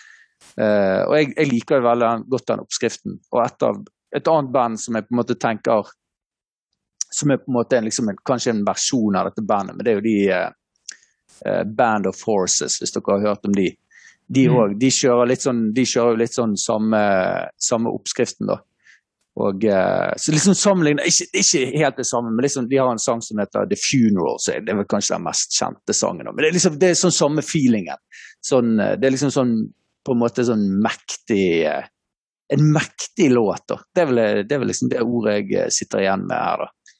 At det er liksom en, en låt som ja, begynner Men du, du, aner liksom litt sånn Du aner på en måte liksom hvor det skal gå da.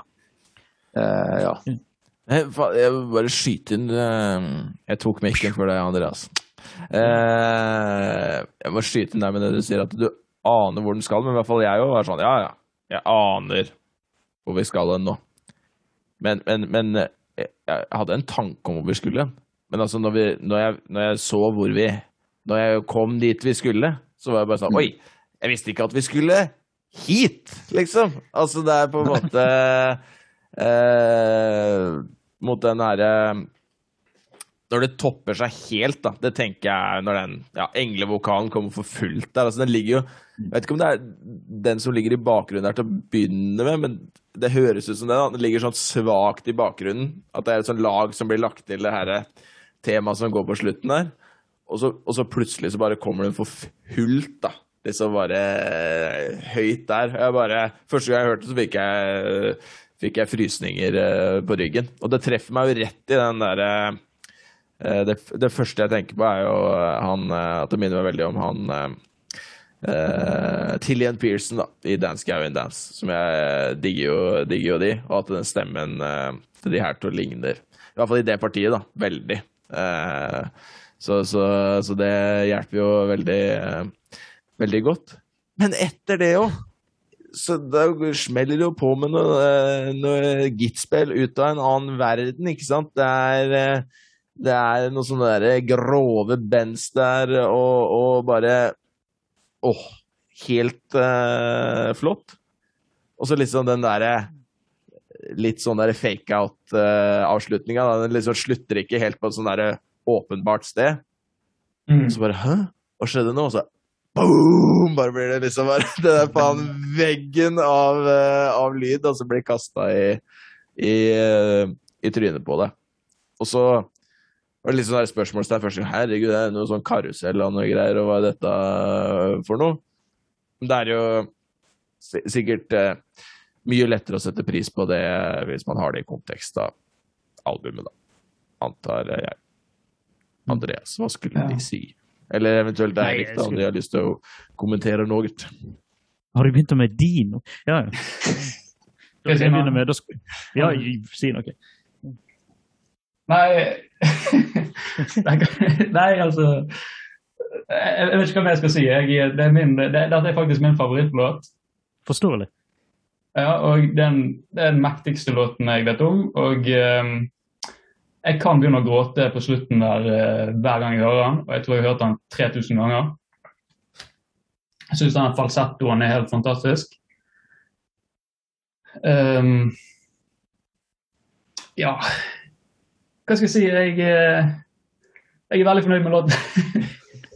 hva, tenker, hva tenker, du, da? For jeg, jeg, holder fortsatt ved det, jeg holder fortsatt ved det poenget at den uh, Der jeg er nå, da, riktignok at fra på en måte der hvor han kommer inn på trommene der, og til den falsettoen kommer for full punch, hvor vi liksom er Hvor vi når toppen. At jeg kjenner fortsatt at jeg syns det tar noe uh, lang tid, da. Uh, ja. men, jeg, men, jeg, vet ikke uh, har du Nei. opplevd låten sånn tidligere? For du gjør sikkert ikke det nå når det er din favorittlåt, regner jeg med. Men jeg vet ikke om du har opplevd det tidligere, om det har vokst på deg, eller om det var liksom sånn Love at first sight, eller Nei, det var jo Love at first sight. Um, men det, det, det, det som er litt rart med den her, altså jeg, jeg går liksom aldri lei av den, på en måte. Altså, og særlig etter trommene og bassen kommer inn. Jeg kan høre på de her strykene som går i bakgrunnen. Det spillet der kan jeg liksom høre til evig tid, på en måte. Jeg syns det er så fint. At låten kunne egentlig bare fortsatt og fortsatt for min del. da. Men altså, før trommene og bassen kommer inn, så kan, når jeg har hørt den så mange ganger, så kan det ta liksom litt lang tid før, før godsakene kommer, liksom. Når eh, trommene og bassen kommer inn, da er det liksom Da er jeg på plass, liksom. Da kan det ta så lang tid det vil, for min del, da. Ja. Og det kan jo jeg si, da, for liksom eh, Siden jeg har vært i gamet litt lenger enn dere. Men det her er jo for, det, for jeg føler med denne sangen at, at det ikke det er ikke så mye musikk eh, på en måte nå, i hvert fall, som får eh, liksom noe eh, publisitet. da. Som, som på en måte følger denne her oppbygningen her, i hvert fall som jeg har hørt. da. Men, men det er her liksom en veldig sånn kjent eh, på en måte type oppbygning fra gjerne sånn 90-tallet. da. Og eh, tenker liksom på, på eh, sånn sjanger som heter sånn shoegazing og sånn. Men liksom det der med at du har en At gjerne sangen er delt opp i to. der du har du, Det begynner på en måte med et parti der du har noe vokal på.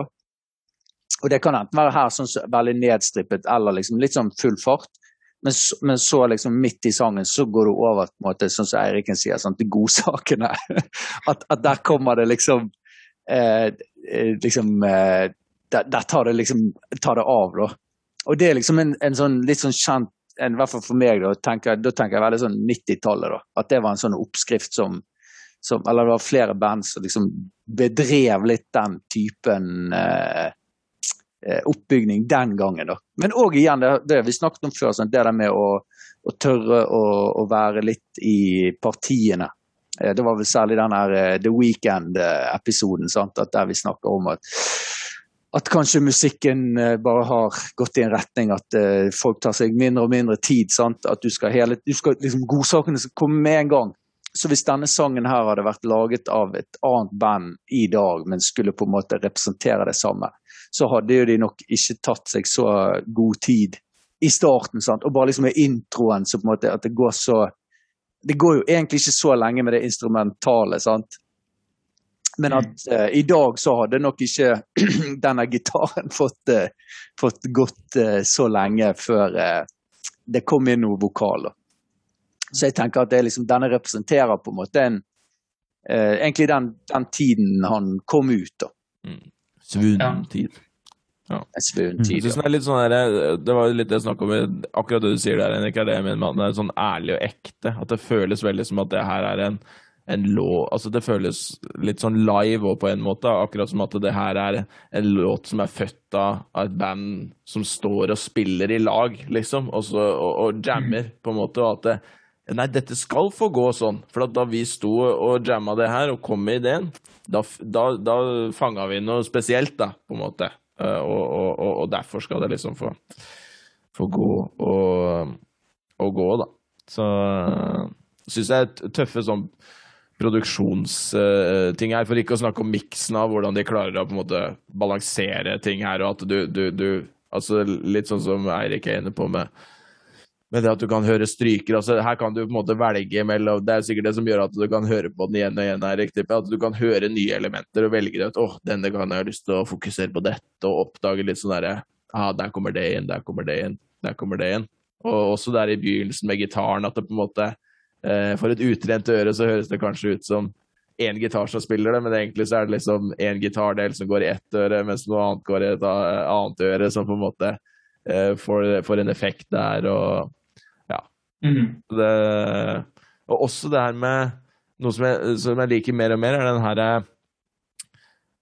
den herre vers-delen. Når den kommer eh, på nytt liksom mot slutten av første halvdel, men at den kommer med eh, eh, en helt ny vokallinje over den delen. Det, det liker jeg også veldig, eh, veldig godt, da. At det, det er på en måte et ålreit vers i utgangspunktet, men så er også den delen nå en ny del over samme instrumentelle, men at det blir Det er også veldig catchy, men også noe tydelig nytt, da. Så, så for meg så er det nok det Det tok jeg, tok jeg ikke opp, men altså, ja, litt den der build-upen fra trommene kom opp. Enda litt eh, i trege, tregeste land, sånn jeg kjenner den nå. Eh, men, men, også nok det derre partiet rett før trommene kommer inn også. At det er litt sånn derre Her nå, nå, kjenner jeg at de tar seg At der tar de seg god tid, da. På en måte. Mm. Ja. ja. Nei ja. Skal vi ta en liten uh, vurdering, da? Vi, ja, vi ja. må ta vurdering. Ja, ta, hva sier du, Erik? Skal, uh, skal uh, Andreassen, your brother from another mother, skal han få begynne? Faen. Kjør på. Kjør på hvorfor er det alltid meg som må begynne? Nei, altså Det er jo en av de bedre låtene jeg har blitt anbefalt uh, på lang tid. og nå jeg skal, jeg skal egentlig innrømme at jeg er litt sånn konfliktiget. For jeg driver og jeg, jeg, jeg, er så veldig nå imellom ni og en halv og ti, jeg, altså. Så jeg må bare tenke litt. For uh, det er jo en Altså, er, den låten har jo alt jeg uh, vil ha, sånn sett. Og spesielt når det kommer til ny låt. Sant? Jeg elsker låter som får meg til å sone ut på en god måte. Noe denne låten gjør. Og jeg innså bare at etter, altså, etter mer du, altså, dess mer du forteller om din personlige smak og blad i blad, så må du sende meg noen låter. Uh, fordi at jeg, det, jo, altså, sånn, fordi at det treffer jo på en måte tilsynelatende det jeg syns er kult òg. Selvfølgelig er det kult å smelle på en låt som varer i tre minutter og party, party, hei hå, men uh, på en måte de låtene som måte klarer å holde en viss monotomi og klarer å holde på en måte en oppskrift, men som måtte legge til flere og flere aspekter og bygge det lag på lag på lag før det kommer på en måte et klimaks, så du fortsatt hører de samme tingene fra begynnelsen. Det er jo så kult. Uh, og det er jo, det er jo dritvanskelig å få til. Uh, sånn, uh, altså, sånn, for til og med jeg kan spille altså Hvis vi skal ta sånn ekstremt monotont, monotont så kan til og med jeg kan klare å spille tre akkorder på en gitar over ti minutter. Det får til og med jeg òg til. Men du må gjøre det interessant på en eller annen måte. Sant? Og det er jo å legge til effekter og legge til, altså, må, altså sånn, Å få lage sånne låter, det synes jeg må, det må så mye følelser til. Uh, og det, det klarer Mew uh, helt fantastisk på den låten der. Jeg tror vi må jeg tror vi dyttes over på en tier, jeg altså. Jeg skal ikke si noe. Oi, oi, oi. Ding, ding, ding, ding, ding, ding, ding, ding, ding, ding. Skal jeg ta, da? Uh, ja, som sagt, jeg har jo det hørt. Hørt det før. Uh, og som jeg også sa, altså favoritten min, favorittlåten min av det bandet her, det er liksom altså Når jeg tenker på Muse, så tenker jeg på den her uh, The Zookeeper's Boy. Det er liksom, det er kanskje min favorittlåt uh, fra, fra bandet. Um, sånn som Eiriken sier, sant altså, eller hvis det var det du sa, så er det jo liksom det der Jeg føler liksom den første biten, det er på en måte en liksom, det er veien du går for å komme til, til the goods. Ja. det er veien å gå. Uh, men ja, så, så jeg, eh, jeg, gir, eh, jeg, gir, han åtte av ti. Fordi at jeg liksom syns at, at Jeg, jeg syns jo det er en dritbra låt, men, men litt det at, at, liksom, at hele den første biten liksom, Hvis du ser på det isolert sett, så, så, så, er det på en måte, i hvert fall for meg, liksom, litt sånn noe du må gjennom for å komme til komme der du vil. da. Ja. Mm. Skal, jeg, skal, jeg, ta den?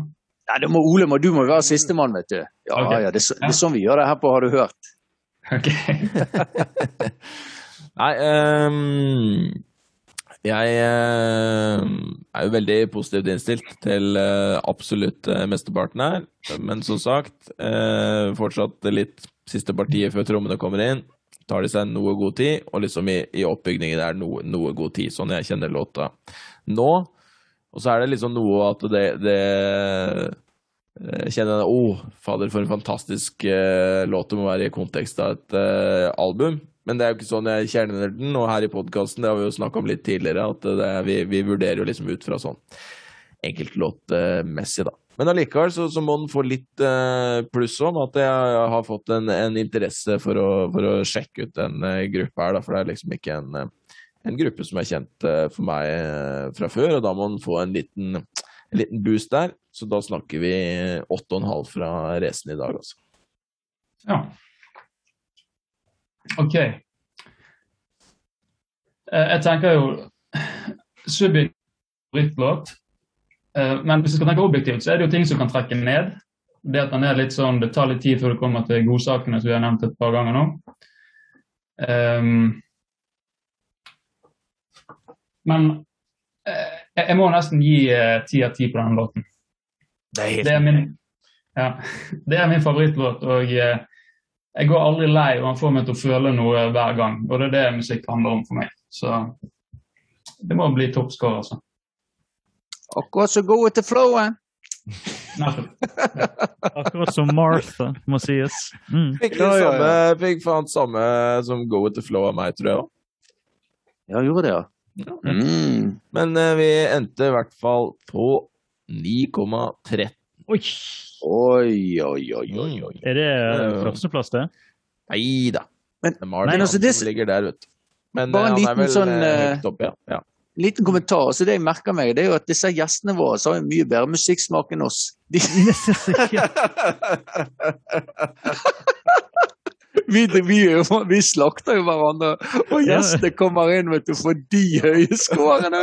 Kommer vi bare We're not worthy, we're not worthy. Ja. Kanskje vi bare skal da sparke oss ut én etter én og bare sånn der eh, rullere på Til- de fire gjestene vi har Altså, hatt. Uh, Poenget mitt er jo det at som vi oppfordrer lytterne våre til hver gang.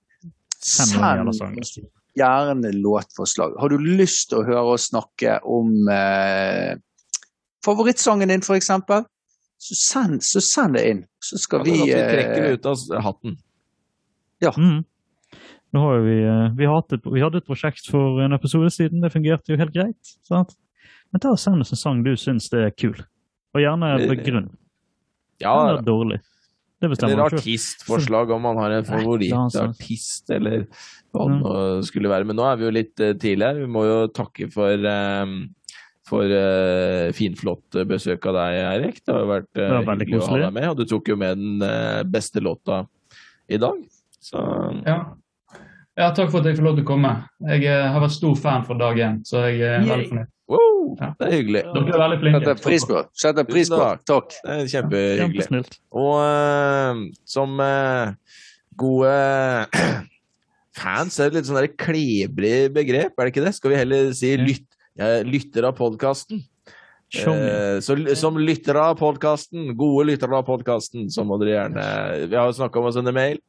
Uh, rate på iTunes. Skriv review om man ønsker også. Følge på Spotify, da blir det mer synlig. For ikke å snakke om å eh, anbefale det til noen man tror, eh, tror eh, kunne likt det. Alt av linker man måtte tenke, vi prøver å legge til linker eh, av ting vi refererer til i podkasten i episodebeskrivelsen. Eh, Der er det også link til spillelister på Apple Music og Spotify, hvor vi legger ut låtene vi skal høre på en uke før episoden eh, kommer ut. Og der ligger det også link til et regneark, hvor vi fører opp eh, ja, rangering av låter. Både personlig for eh, Andreas, Henrik og meg, men også et eh, rangert eh, gjennomsnitt. Som liksom er, det er jo der det gjeveste er. Og eh, ja, låta de er i, kan komme vel, eh, hvis jeg ikke tar feil, rundt sånn tredje-fjerde plass, sånn totalt sett, om egentlig. Det er helt feil. Så eh, ja, det er gjestene som er drevne på låt. Ja. Nei, men eh, vi får bare si eh, på gjenhør, vi, eller? Vi sjåast. På gjenhør. Hør, hørast.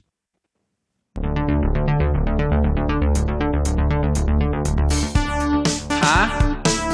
Hæ? Hæ? Hæ? Hva sa du? Jeg kan ikke høre deg. Jeg bare gir opp, jeg. Kan du ikke høre meg? Har du hørt?